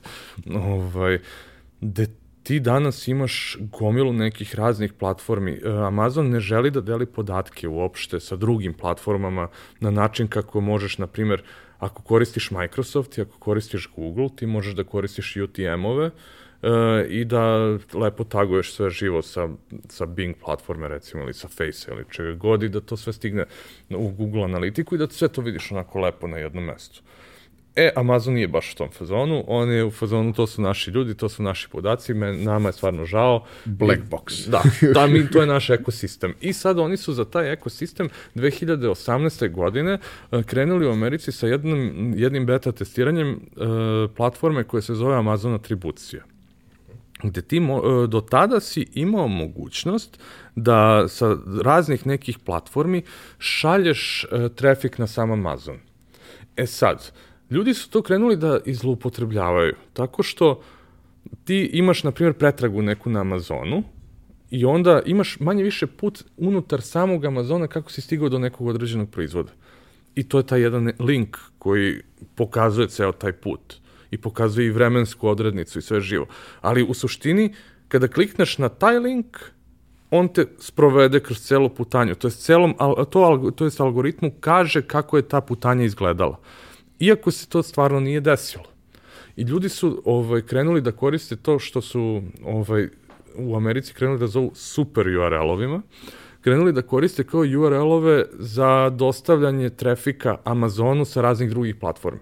Gde ti, na primjer, na Google ili na, na, na Faceu kreneš sa tim tako što imaš taj link i pljusneš ga tamo negde na taj proizvod, a Amazon shvati da je on došao kroz samo kliktanje na Amazonu. E, I da onda on... mu deluje kao da je taj proizvod relevantniji nego što jeste. Tako je, tako je. I onda su oni napravili svoju platformu ovaj, koja, koja ima tagovanje. I onda ti možeš eksterne linkove da taguješ unutar te odvojene, to je kao recimo Amazon Analitika, da ga tako nazovemo. Ti dalje moraš da odeš na jedan Face ili Google ili gde god već i da porediš rezultate sa, sa atribucijom na samom Amazonu i da upoređuješ podatke i da vidiš ok, ovo mi ovako funkcioniše, ovo mi onako funkcioniše, da znam kako šta da optimizujem. I onda imaš gomilu nekih drugih stvari koje ne možeš da nađeš na drugoj platformi koje su potpuno lude. Uh, jedna od tih stvari su botovi. Uh, chat botovi najviše. Na primjer, imaš meni chat uh, sequence je bio jako popularan na Amazonu do skoro, funkcioniše i dalje, ali ne u toj meri, gde ti, na primjer, imaš celu jednu komunu na Faceu, gde ti kao korisnik se priključiš toj komuni, jer recimo voliš Jordanke. I, ovaj, I sad si u toj nekoj grupi na, na Faceu, gde oni pričaju, ne znam, o patikama, trala, la, i sad odjednom tebi iskoči ti chat koji kaže, e, čao, mi smo, ne znam, Pera, Mika, Žika, i imamo sad ove neke patike, i pokažu ti sliku te patike. I kažu, ova patika se zove, ne znam, pojačalo uh, podcast, ne znam, patika. I ti kao. Okay. I kao, ako pronađeš ovu patiku sa ovim rečima, dobit ćeš određeni popust. Ali ti ne kažu koji, nego ti kažu, na primjer, do 80%. Gde ti možeš na Amazonu da generišeš uh, kupon kodove koji idu u različitim pravcima, koristeći razno, razno razne neke tulove, ti dođeš na kraju na Amazon i tebe taj chat na Faceu ili na nekoj drugoj platformi, uči da se ti pojaviš negde drugde. Znači, to, ja sam bio toliko fasciniran tim u jednom trenutku, da, da ovaj, tebe bukvalno neki chat bot tera da radiš neke stvari. Da ti bukvalno odeš na Amazon i kao, ok, pojačalo podcast patike, klikneš search i onda, i onda ti ovamo chat, ako nisi odgovorio ništa u prethodna 3 minuta, izbaci još jednu novu poruku, kaže, ej, jesi uspio da nađeš? Evo ti mali hint, probaj treću stranu. I ti kao, aha, treća strana. I kao odeš ovamo i tebe bukvalno chat uči kako da ti učiš algoritam. Što je ono, čovjek bi rekao, nelegalno nema dalje. Ali Amazon to prihvatao. Znaš, tako da gomilo nekih stvari je mogla nekad, nekad nije. Tako da Terms of Service na Amazonu se menja i to saznaš uglavnom tako što neko bude banovan. što je totalno ludo. neko velik. neko velik, da, neko velik zato što je nešto koristio. Naprimer, to, to su u jednom trenutku Jer, jer ja kažem ljudima, ljudi, kako ne shvatate neka velika firma, poput Facebooka, na primjer, zašto ono, Zuckerberg ne bi došao i uložio svoj novac i kupio, ne znam, hiljadu brendova ili deset hiljada brendova i, i napravio te botove za sve redom ključne reči njegove platforma, šta ga boli uvo, može da napravi još koliko hoćeš para, ali to tako ljudi ne radi. Ovaj, I dešavalo nam se da, da vidimo ljude koji budu deindeksirani za sve ključne reči, samo zato što je Amazon provalio da se ovo dešava. I ovo bukvalno zalazi u neko, neku tamno sivu zonu Amazona, ali, ali to oni konstantno nešto menjaju, neka te puste, neka te ne puste. na primjer, to je, to je u, u, u Americi i dalje dozvoljeno, ali kao priča se lagano iz kao pouzdanih izvora da toga više biti neće. Tako da ovaj, to je nešto što se menja. Generalno pre toga je bio drugi fazon. Bili su, um, ne mogu da se setim kako se zovu sajtovi ovde kod nas, ali znaš ne sa kuponima. E, ima Grupovine. Tu, e, recimo. To. E sad, postojali su razni neki sajtovi u Americi gde ti kao prodavac odeš i platiš tom nekom sajtu pun iznos proizvoda i onda taj neki pera Mika Žika ode na taj sajt i na tom sajtu uh, kupuje tvoj proizvod za 0 dolara. Dobije kupon, sa tim kuponom odlazi na Amazon, kupi ga za pun iznos, mora da napiše review, vraća se nazad na ovaj sajt, da, da, da. Ovaj, ostavlja podatke da je ovamo bilo i dobija refund za ovo što je uradio. I onda je Amazon krenuo da ih juri, jer je to bilo vrlo očigledno nelegalno, ovaj, oni, onda su oni krenuli da, da to rade tako što su krenuli da stvaraju refund kroz neke druge platforme. Ono, koriste PayPal ili šta god već, pa onda Amazon sklopio deal sa PayPalom, jer ipak Amazon je malo veći. Nešto veći. Da, da, tako da, da ovaj, postoji te neke mračne sive zone, crne zone koliko god želiš, Um, ali, ali i ono što je belo i što je normalno i kako bi trebalo da se radi je, uključuje dosta taktiziranja, uključuje dosta um, stvari koje, na koje generalno ljudi nisu navikli na samom svom sajtu da rade. Um, ali kada to izmasteruješ i kada to naučiš, imaš potencijal da napraviš svašta nešto super. E, kada, kada pričaš ovaj, o, o samom ekosistemu, uh -huh. uh, i, i, i, kažemo, svim ljudima koji su uključeni u, u ekosistem i kao prodavci, i kao konsultanti i sve ostalo. Pominjao si više puta konferencije, pominjao uh -huh. si više puta neke stručne skupove. Ovaj, kako to funkcioniše i kako si ti došao do toga da budeš jedan od cenjenijih konsultanata? Ovaj, kako prosto teče taj put i, i, i na koji način neko ko razmišlja o tome, jer očigledno da Niša nije prezasićena, da tu ima prostora da, da, da svako pokuša da, da, da, da nešto radi, ako ga uopšte zanima taj deo priče koji podrazumeva kažemo, dosta mhm. ozbiljnu mm -hmm. analizu stvari i testiranje i eksperimentisanje, znači neki inženjerski pristup. Ovaj, kako si ti se uh, razvijao i pozicionirao i šta bi savjetovao nekome ko, ko, ko razmišlja da, da krene u nešto slično? Pazi, da, ja da bih ušao u tih kao top 100 konsultanata za Amazon, trebalo je manje više da im dostavim podatke. I ovaj, da oni manje više interno ovaj, zaključe da li sam dovoljno dobar da mogu da budem deo njih. I ovaj, da to uključuje način na koji mi optimizujemo stvari, način na koji, na koji, na koji radimo i sve to i ako su, oni daju zeleno svetlo, super. Nakon toga što se tiče samih e, konferencija, konferencije se dešavaju svuda, ima ih na različitim nivoima, ovaj, po Evropi. Prvi put kada sam negde pričao, pričao sam, sećam se, prošle godine u Drezdenu. Zvali su me na interni skup kao malih prodavaca Drezdena, gde su kao bukvalno lokalni ortaci, ono, kao, bleje zajedno i kao piju kafu, pivo, šta god taj dan i kao zvali su me da jedan dan dođem kod njih. I ovaj, rentirali su kao neki coworking da naprave od toga kao malo nešto bitnije i kao to je krenulo prvi put tako. I ovaj, strašno sam tremao, imao je bilo dosta strašno, iako ovaj, sad kad pogledam, telo je neuporedivo manje od svih tih ostalih konferencija u kojima sam bio i kao gost i pričao, I ovaj, ali to je krenulo odatle. Nakon toga um, postoji nekoliko struja za Amazon sellere, za Amazon prodavci, im, postoji cela jedna grupa američkih prodavaca, imamo celu grupu evropskih i azijskih.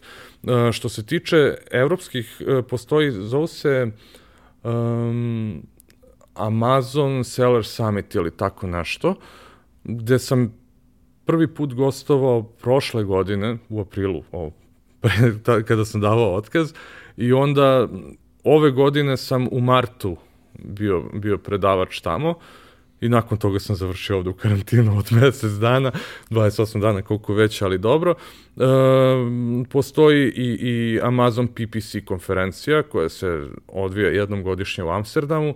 Pored toga postoje razne neke druge aktivnosti i razne neke konferencije. Postoji jedna prilično velika u Londonu, koja se zove Seller Session i imaju Seller Session Live koju, koju vodi ovaj moj baš blizak prijatelj Deni i čak i trebalo i tamo da, da, da ovaj, ove godine toliko trebalo stvari da se dogodi, ali nas je korona tako omela, tre, ovaj, trebala je cijela jedna godina da bude u konferencijama, pošto u Njujorku se vodi AMZ Innovate, kao jedna velika konferencija na istočnoj obali. Um, u Ostinu, sa druge strane, postoji Billion Dollar Summit na kojem sam trebao takođe da pričam, gde su prodavci milijarderi uh, i gde gde, gde bukvalno imaš jedan kor ozbiljnih prodavaca, ozbiljnih brendova, vlasnika brendova ili njihovih menadžera, gde oni bukvalno razmenjuju strategije prodaje na Amazonu. Uh, postoji konferencija u Los Angelesu gde sam isto trebao da pričam, ali to je nekako sve otišlo i propalo. Ove, ovaj, krenulo je dosta dobro sa, sa ovom konferencijom u, u Pragu, ali, ali eto, mislim, uh, Jesu ti događaji ono, otkazani ili su se desili online ili su se desili u nekom obliku ili su totalno otkazani? Pa u Las Vegasu Prosper Show je prvo odgađan jedno šest meseci i na kraju je napravljen online. E, što se tiče evropskih konferencija, sve su skoro otkazane, osim jedne koja je pretvorena u online event. Čak su napravili neku platformu koja je jako zanimljiva, gde si ti kao imaš 3D prikaz konferenciji ti kao šetaš okolo i kao možeš da priđeš nekome. Zvuči zastrašujuće. Da, dosta je strašno. dosta je strašno. ovaj, e, postoje, postoje neke razne, razne grupe koje organizuje, Orange Click se zove firma, to, to je ovaj, prilično zanimljivo za evropske selere, gde ti možeš generalno da se priključiš celoj toj organizaciji zajednici, razno raznih preda, uh, prodavaca, gde uh, imaš kao one dating stolove, znaš, kao sedneš i kao imaš speed dating, sa raznim nekim drugim prodavcima gde svašta nešto učiš i to kao traje, ne znam, sat, dva, um, kao event svakog da li meseca, da li kvartalno, nemam pojma, ali ovaj može da, može svako da ode. Mislim, besplatno je, kao što, što ovaj, reče Varga, svašta nešto je besplatno na internetu, samo treba da se čovjek malo pomuči da nađe. Ali, ovaj, generalno, baš je dosta dostupno tu. Što se tiče uh, azijskih sellera i tamo, mi smo se pojavljivali u Hong Kongu i u, i u Guangzhou, Uh, realno i u Shenzhenu, ali tamo niko nije pričao od, od naših, više smo išli kao da, da posetimo fabrike, da vidimo i njihovu perspektivu i ono percepciju ovaj, šta, šta se sve dešava, jer uh, veliki problem sellera je optimizacija troška.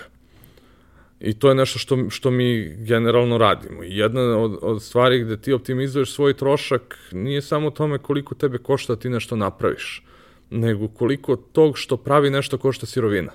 I onda vrlo često ako postaneš dovoljno veliki, ti možeš u ime te fabrike koja tebi pravi proizvod da pregovaraš sa njegovom fabrikom koja njemu dostavlja robu. Mislim, to je ceo jedan lanac gde se tu ne zna ono ko, koga juri zašta, ali ovaj, generalno svašta nešto može da se napravi da se optimizuje, jer na neke velike količine i 10 centi predstavlja ozbiljnu razliku.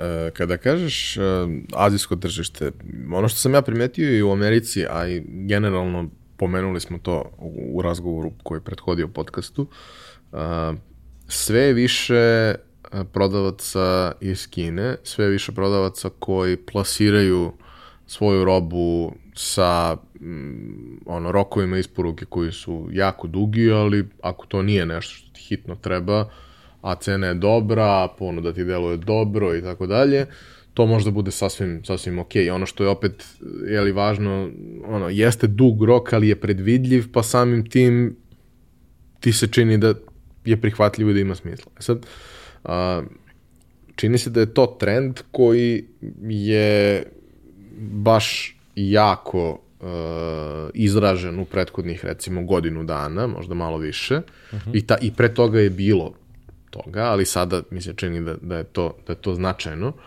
Ovaj, I sve češće ti rezultati mi izlaze i šta oni rade? Na koji način oni rade? Zato što rekao si mi da, da je potpuno drugačiji pristup i na neki način da, da mnogi stvari koje oni rade nisu okej, okay, ali su zanimljive za razmišljanje.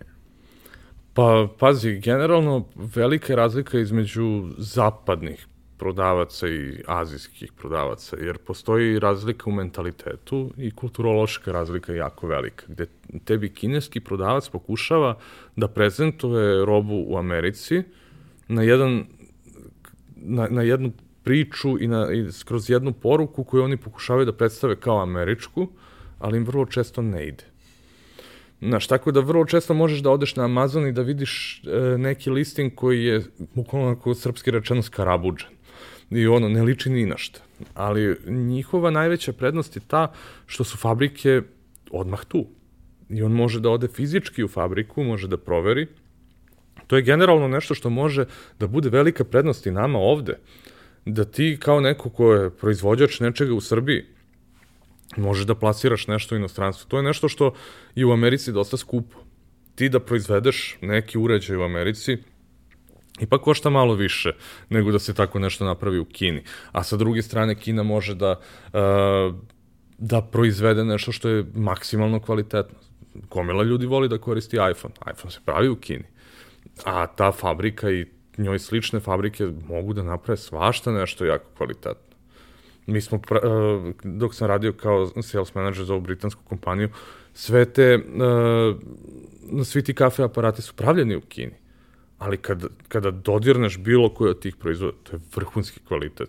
Naravno, tu je samo stvar u kontroli kvaliteta, pa, da. u standardu i tako dalje. Mislim, često kada smo pričali, ja sam bio nažalost, prošle godine u Kini, ovaj, još osjećam posledice, ali uh, imao sam prilike jedno veče da pričam, pošto za tih 20 dana mi suštinski nismo sreli tri kineza koje govore engleski. Što ne bi bio problem da nam nisu dodelili nekih 500 volontera koji hendluju strane novinare od kojih niko ne zna engleski, niti bilo koji drugi jezik, ali dobro.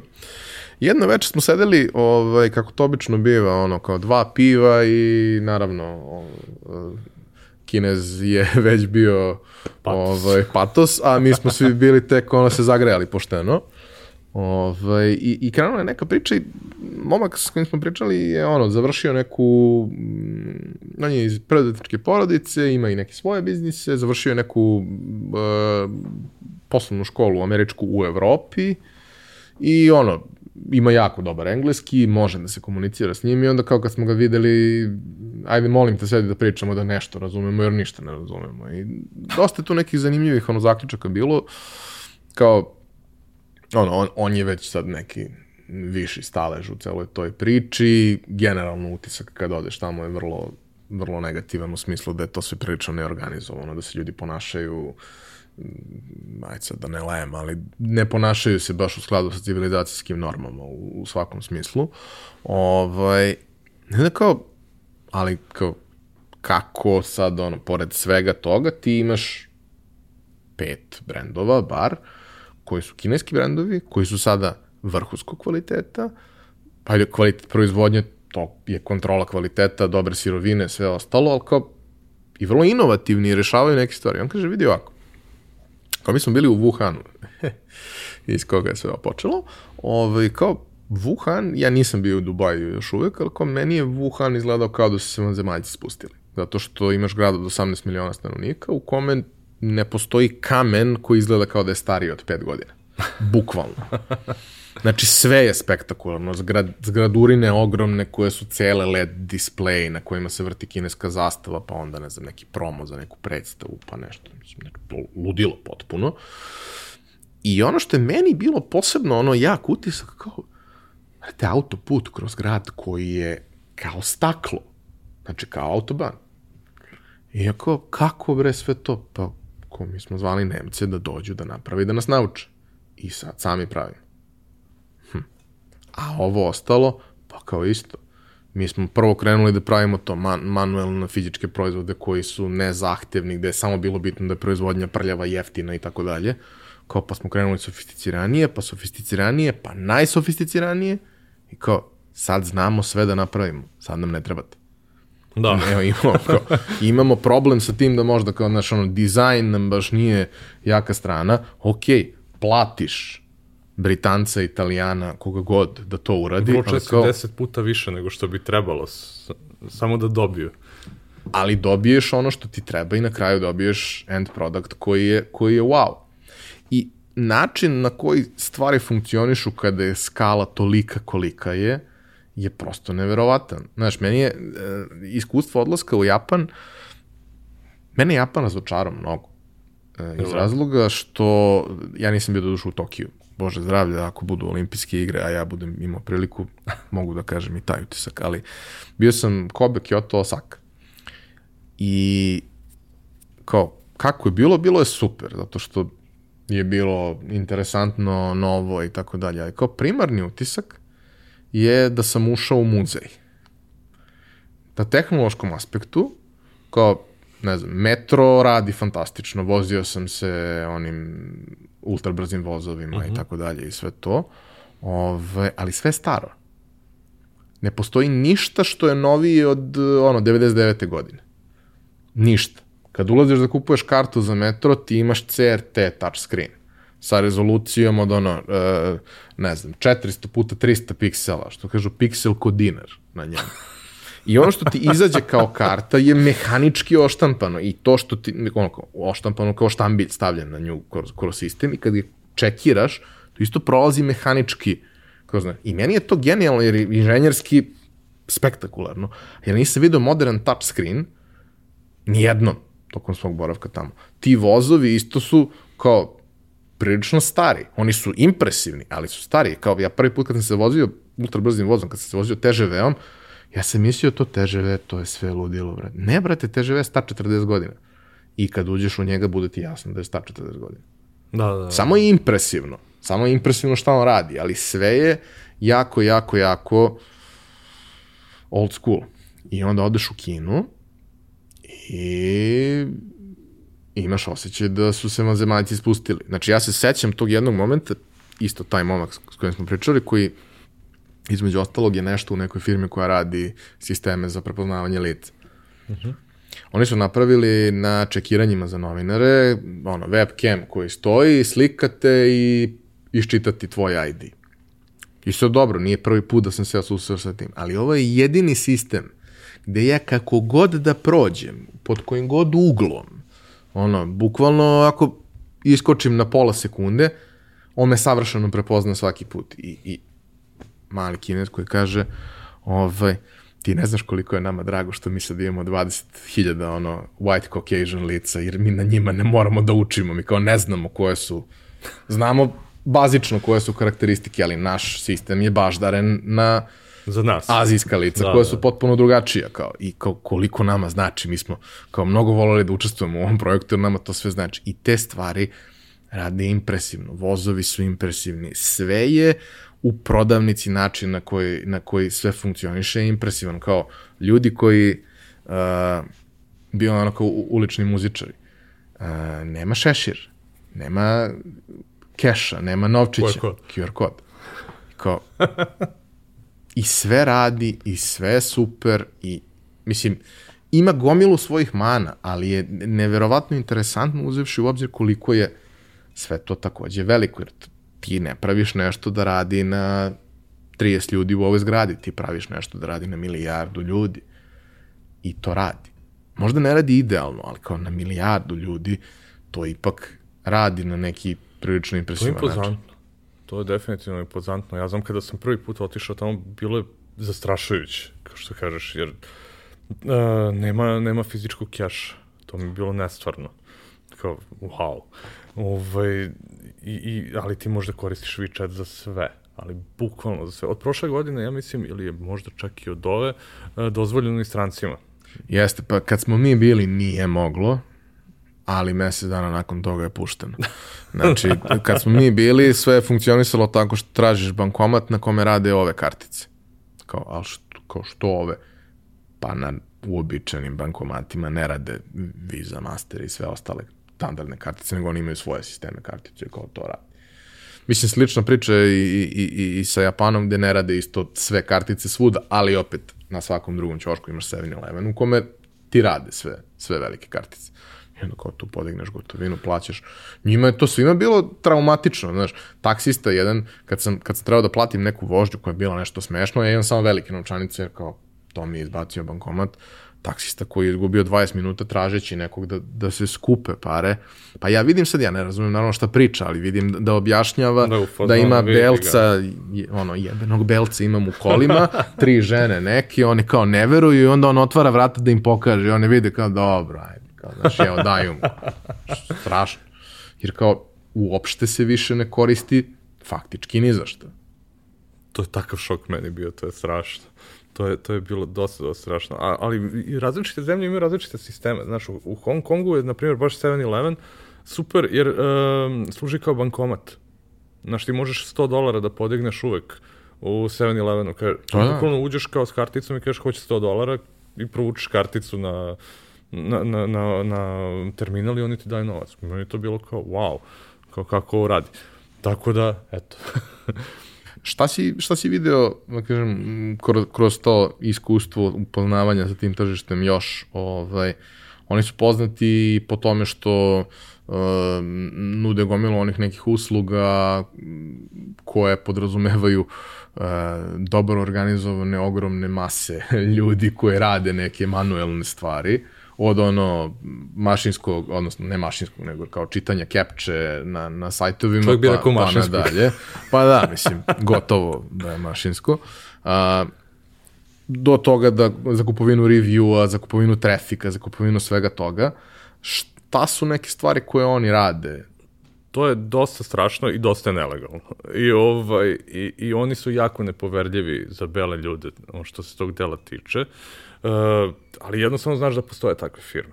Ovaj, možeš da ih pronađeš na Google-u, to nije nikakav, nikakav ono, ne znam, dark deep web ili kakav god, ono, znači, bukvalno, kažeš, ono, kupovina reviewa i kao, odeš i nađeš i bukvalno uh, nađeš programere njihove koji su totalno ono, jedan ludi sistem, mislim, ja, ono, sretao sam, ono, išao sam i, i, i upoznao se i sa pravim, ono, legalnim selerima koji rade sve legalno, uh, I ti uđeš i preplašiš se. Jer uđeš u halu sa 4000 ljudi za računarima. I ti onda kažeš sebi kako ja u Srbiji sa mojih pet zaposlenih mogu da se borim protiv ovog čoveka koji ima ovakvu jednu mašineriju ljudsku iza sebe. Još na sve to ima i softvera i sve živo. I ovaj, ali mi imamo veliku prednost kulturološku,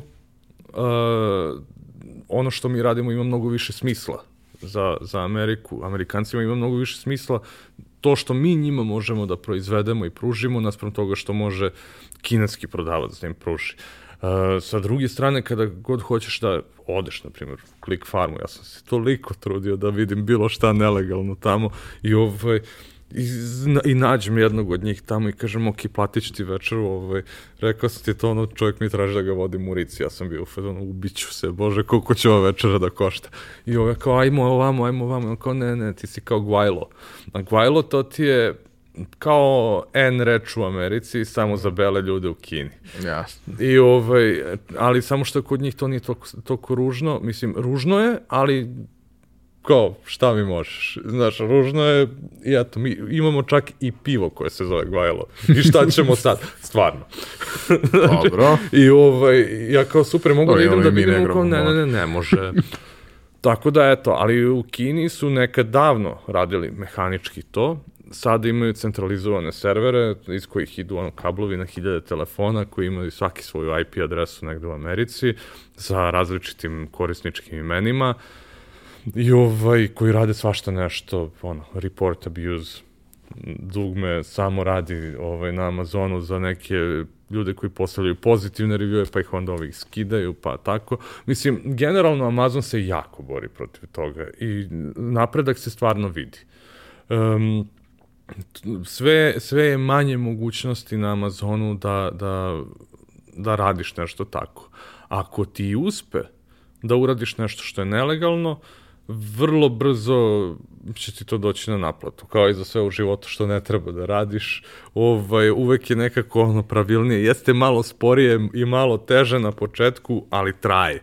Ovo sa druge strane, ti vidiš nekog kineza koji se pojavi ni otkud ništa, ono, vidiš prodaje, na primjer, ovu čašu, a review i za mikrofon unutra, jer on uhvatio i promenio slike u samom proizvodu, na samom listingu proizvoda, ostao je tekst isti, ali on promenio sliku pa ovo, ono, i ti gledaš i to je totalno neozbiljno. I, ovaj, I vrlo brzo se Amazon pozdravi sa njima, tako da, ovaj, ali, ali je borba.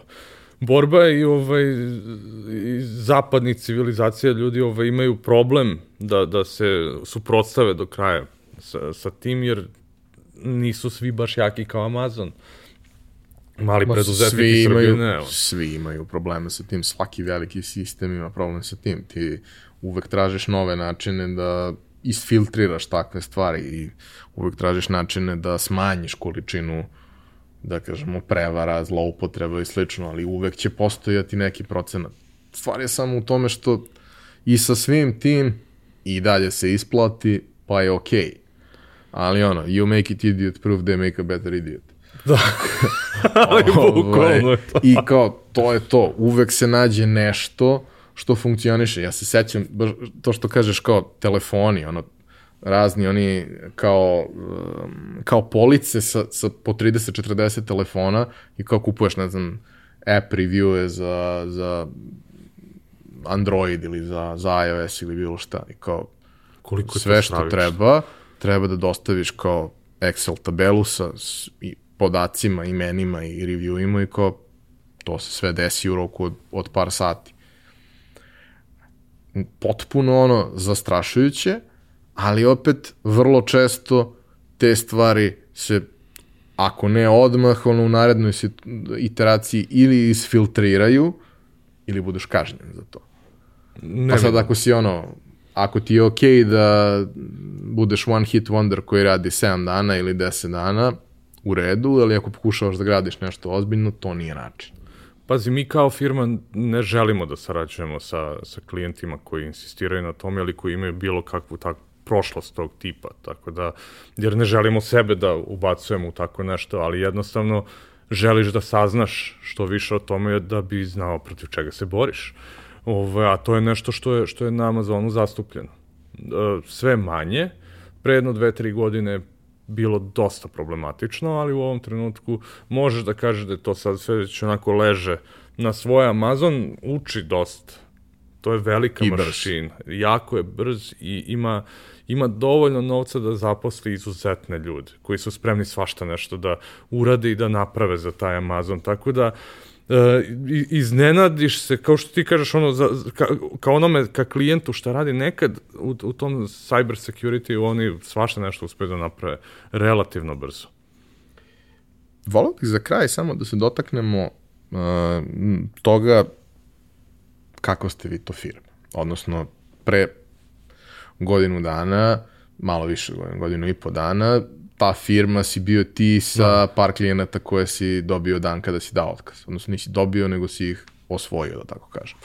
Ovaj, međutim, i sam si rekao da firma jako brzo raste, da ljudi koji su zainteresovani za ovako nešto mogu da se jave. Ovaj, to je sve okej, okay, ali prosto volao bih, uh, jer ti nisi baš uobičajen, po standardu, nisi baš uobičajen čovjek odavde, a ni firma ti baš nije uobičajena firma odavde. I ljudi koji rade u toj firmi isto tako nisu baš neki prosečni, obični ljudi odavde. Ko su ti ljudi? I kada si razmišljao da, da praviš firmu i da, i da lagano razvijaš firmu i da ona raste, čime si se vodio? Joj, moram da ti kažem, kada sam kretao, ovaj, imao sam ludu sreću da upoznam te ljude sa kojima sada radim. E, tim koji čini naš tim je sačinjen od, od tako jednih fenomenalnih ljudi da sam ja preponosan njima. Ovaj, čisto e, eto, jedna od smernica zbog čega su oni tako fenomenalni. Ovo što sam pričao na početku, ovaj, što smo započeli saradnju sa sa najbrže rastućim unikornom u istoriji Amerike. Mi smo se takmičili protiv MIT-a. Ono, moj tim ih je razvalio. Mislim, ja volim da kažem da smo ih razvalili. Generalno smo ih malo pobedili, ali je to velika stvar. To je velika stvar gde ovaj, imaš, imaš e, to, ljude koji su toliko pasionirani. To je e, neverovatno i ovaj, to je nešto što, što, što je osnov da, da radiš sa nama osnovi da, da, da si spreman da ideš korak više, da konstantno nešto učiš, da konstantno nešto istražuješ, um, gde, znaš, kada sam krenuo da radim, bilo mi je jako strašno, uh, strašna činjenica moram da dam platu nekom. To je bilo, uh, ne, ne činjenica što ja moram nekom da platim, to je sve okej. Okay nego moment da ja moram da zaradim, to jest mi moramo da... Za, Odgovornost. Ono, da, ta odgovornost je bila strašna. Men prvi mesec dana nisam spavao. Bukvalno, nis, ono, totalno sam imao ono, disfunkcionalan san jedno mesec dana dok, dok se nismo stabilizovali, dok ja nisam skapirao kako cash flow radi, jer ne postoji, nažalost, ni jedna knjiga koja je ono, uh, korisničko uputstvo kako se pravi firma, posebno firma ovog tipa, da ti u, u suštini učiš da konstantno gasiš požare. Znači, ako ti u firmi sve kao super i nema problema, ti nam sve šok kažeš, ljudi, imamo problem, toliko je veliki da ga ne vidimo. znači, to je dosta strašno kad imaš tako neki lud moment.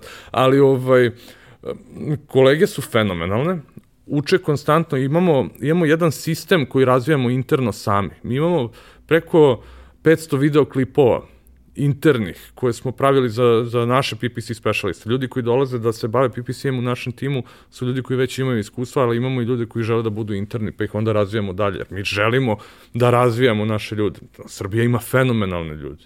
Ono, ja, ja sam veliki patriota što se tog dela tiče i ovaj, ja jako verujem u, u, u naš kadar ljudi i u naše ljude. To koliko mi možemo da pružimo, možemo sa lakoćom da, da nadmašimo bilo koju neku stranu firmu samo zato što smo se potrudili. To ne znači, uh, mislim, to generalno možeš svuda na svetu dure, ali ali imamo imamo klikera, mogu ljudi da, da, da, se, da, se, da se uklope vrlo lako, imamo veliku količinu SOP-eva, kako se stvari radi. Imamo uh, vrlo jasne instrukcije do najsitnijih detalja kako prolaziš kroz, kroz različite faze. Jer o, o, kada neko ima dosta iskustva, to nam matoru konja ne možeš da naučiš novim trikovima. Znam da je ružno da kolegu nazoveš konjem, ne kažem da je kolega konj veze, daleko toga. Možemo da kažemo da si ti. Evo, na primjer, krenimo od toga da sam ja konj. Ovaj, što je u redu.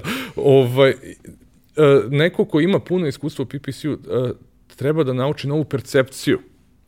Ima, treba da ima drugačiji pogled na stvari. Znaš, i ovaj, dešava se svašta nešto u, u, u firmi koja, koja konstantno raste i razvija se, imamo puno izazova. Znaš, ono, mi, mi, smo, mi smo ušli uh, na vračaru u našu kancelariju u avgustu ili septembru, recimo, ne mogu ni da se setim koji je mesec bio, pošto to iz ovog ugla deluje kao da je neko davno prošlo vreme. Uh, I bili smo u fazonu, ok, ovo će da traje, jednu godinu i po dana ćemo sigurno uspeti da ostanemo ovde, pre nego što krenemo da se širimo dalje tri meseca kasnije mi smo ušli, u susednu kuću. I bukvalno ono, se širimo po kraju. I, ovaj, I na kraju ćemo morati, zbog korone, naravno, svi radimo od kuće i ovaj, svako ovaj, vodi račun o tim merama i svemu tome. Želimo da budemo što odgovorniji, ovaj, što je odgovornije moguće, ali ove, kad se budemo vraćali, ja ne znam da ćemo da stanemo. Tako, tako da, to je, to je neki problem koji, koji nam se javlja i ovaj, uopšte to je ono, ako želiš da budeš preduzetnik, uh, moraš da izađeš iz te neke komfort zone, moraš konstantno da živiš sa, sa nečim što na početku izgleda kao stresa, onda se pretvara u normu. što se meni samo čini kao jako veliki problem, a, a baš kad smo pričali o tome, dao si mi super primer kako ste vi to rešili. A to je što kad imaš mnogo znanja, imaš mnogo iskustva, nenamerno podrazumevaš stvari. A stvari ne mogu da se podrazumevaju. Super je kada ti dođeš do toga da sa dvoje, troje, petoro ljudi se razumeš na intuitivnom nivou, ne morate ni da komunicirate i sve se samo desi. To je mnogo lepo. Ali to nije, to je anomalija.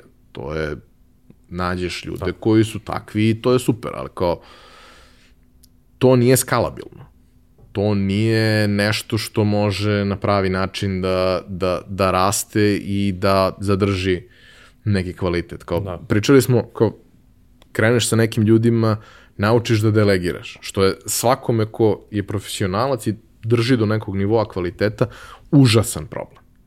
Jer kao ti znaš da ti to znaš najbolje. Pa. I kao jako je teško prepustiti to nekom i, i, i preseliti određenu dozu odgovornosti na tu osobu. A onda relativno brzo zbog rasta koje imaš dođeš do toga da ti ljudi delegiraju nekom, a da sistem mora da funkcioniše i da mora da postoji kontrola kvaliteta jer je odgovornost jako velika. Kako ste te stvari rešavali? Pa ja, ja pokušavam to slikovito da objasnim kolegama, ja njima kažem, ljudi, vrlo često kada pričamo ja držim ruke ovako jer non stop objašnjam, znaš kao onaj klinac koji je vidio Vuka u šumi, pa kao, e, ja njima kažem, ljudi, ja sam gledao film u bioskopu, taj film je naša firma, to je ovo što mi radimo. Taj film je najjači film na svetu. Ne shvatate koliko je dobar. Fenomenalan je. Ali karta bila samo za mene, nažalost. Ja moram da vam ispričam do krajnjih granica o čemu se radi u filmu, da vi kroz moju priču pokušate da shvatite koliko je to dobar film. Da, da e, mojom energijom kroz taj prvi krug kolega prebacim dalje sijanje te energije ka sledećem. Ne kažem ja da sam ja sunce pa da sijam, ali želim da konstantno motivišem ljude oko mene. Moj posao je u jednom trenutku, ja se nadam da će postati to, da samo kultivišem, da ja budem baštovan, gde su moje kolege cveće koje raste, ja ih samo zalivam. Najveća greška srpskih preduzetnika koju sam ja video jeste uh, silovanje kontrole i mikromanagementa. To je ozbiljna greška. Jako je bitno imati OKRs, jako je bitno imati KPI-eve. Vrlo jasno definisano gde želiš da ideš. Zastavica negde u daljini mora da se vidi. Jer ti možeš da budeš veliki brod koji plovi okeanom, ali ako ne znaš da treba da ideš tamo, ti ćeš da lutaš svuda. Znaš, a ovako, ako imaš neku zastavicu, imaš jedan kanap, pa je taj kanap podeljen na godine, pa su te godine podeljene na kvartale, pa na mesece, pa onda, ali vrlo jasno definisano par nekih osnovnih koraka kako se ide do te zastavice i onda kažeš, e, Ivane, meni je cilj da uradimo ovo. To jest, ne meni, nama je cilj, u našem je zajedničkom interesu. Mene ne zanima kako ćeš ti to da rešiš. I onda ti pokušavaš da kroz svoje načine rešiš. Ako ne znaš da rešiš, uh, najgora stvar koju možeš da uradiš jeste da stvoriš zavisnost kolega od to da, da im neko iznad njih rešava problem.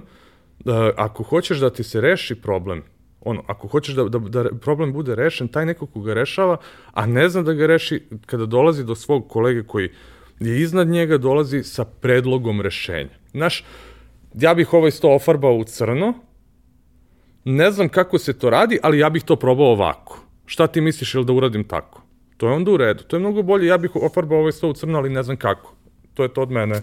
Znaš, to je velika razlika. Jer je ovaj ponudio predlog rešenja, jer je on mislio da će tako. I to je savršeno kako to funkcioniš. Mi imamo taj moment gde imamo jasno definisanu sliku gde idemo i u kom pravcu želimo da se krećemo. Jako smo svi motivisani, je, imamo, imamo jako dobru energiju, imamo jako lepu kulturu. Baš sam sa tvojim kolegom pričao uh, o tome kako se plašim jednog dana da pređemo u neku veliku zgradu, jer se plašim da ćemo jednog dana izgubiti kulturu firme koju trenutno imamo. Znaš, mi imamo um, Food Friday, klopamo zajedno petkom. I to je super, ali ovaj, se to pretvori vrlo često u Mojito Friday. Znaš, i onda kolege treba izbaciti napolje. Znaš, posebno ovako, u ovakvim danima kakvi su sada, mislim, morali smo to nažalost da ukinemo, ali ne shvataš koliko je ono poruka kao ja jedva čekam kad ćemo moći opet. I to je nešto fenomenalno. I onda vidiš da se kolege druže međusobno. I oni to žele. Znaš, a, a nije, nije, nije veštački ili, ili nije iskrivljeno. Sa druge strane, to će nam biti najveći izazov u nekoj budućnosti, sa jedne strane što se tiče uh, kvaliteta imamo SOP-eve, imamo KPI-eve, imamo vrlo razvijen knowledge base koji se konstantno updateuje novim informacijama, delimo za, znanje međusobno, razvijamo se jer um, ne kažnjavamo greške. Meni je uh, veći problem ako ti kao moj kolega grešiš i ćutiš o tome i ponovit ćeš grešku. Ako kažeš, ok, ja ovo ne znam ljudi, aj mi pokažete. E, ego je veliki neprijatelj u rastu. Naš veliki je problem ako dođeš, ma ja sam ovde najbolji. Ja prvi nisam najbolji. Ljudi, ono, objasnite mi. X puta se desilo u samoj firmi da, da meni neko dođe nešto objašnja. Onog momenta kada, kada firma radi, a ja sam najpametniji u njoj, imamo ozbiljan problem. Ja moram da budem okružen pametnijim ljudima od sebe.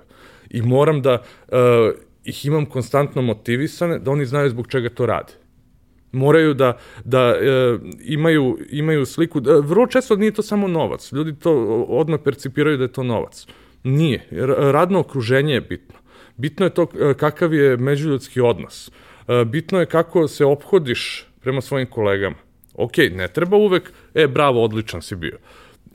Treba i toga, ali treba stvoriti ce, ce, celu, celu jednu mikroklimu, jedan mikrosvet u kome, u kome kolege tako žive, razvijaju se i rastu.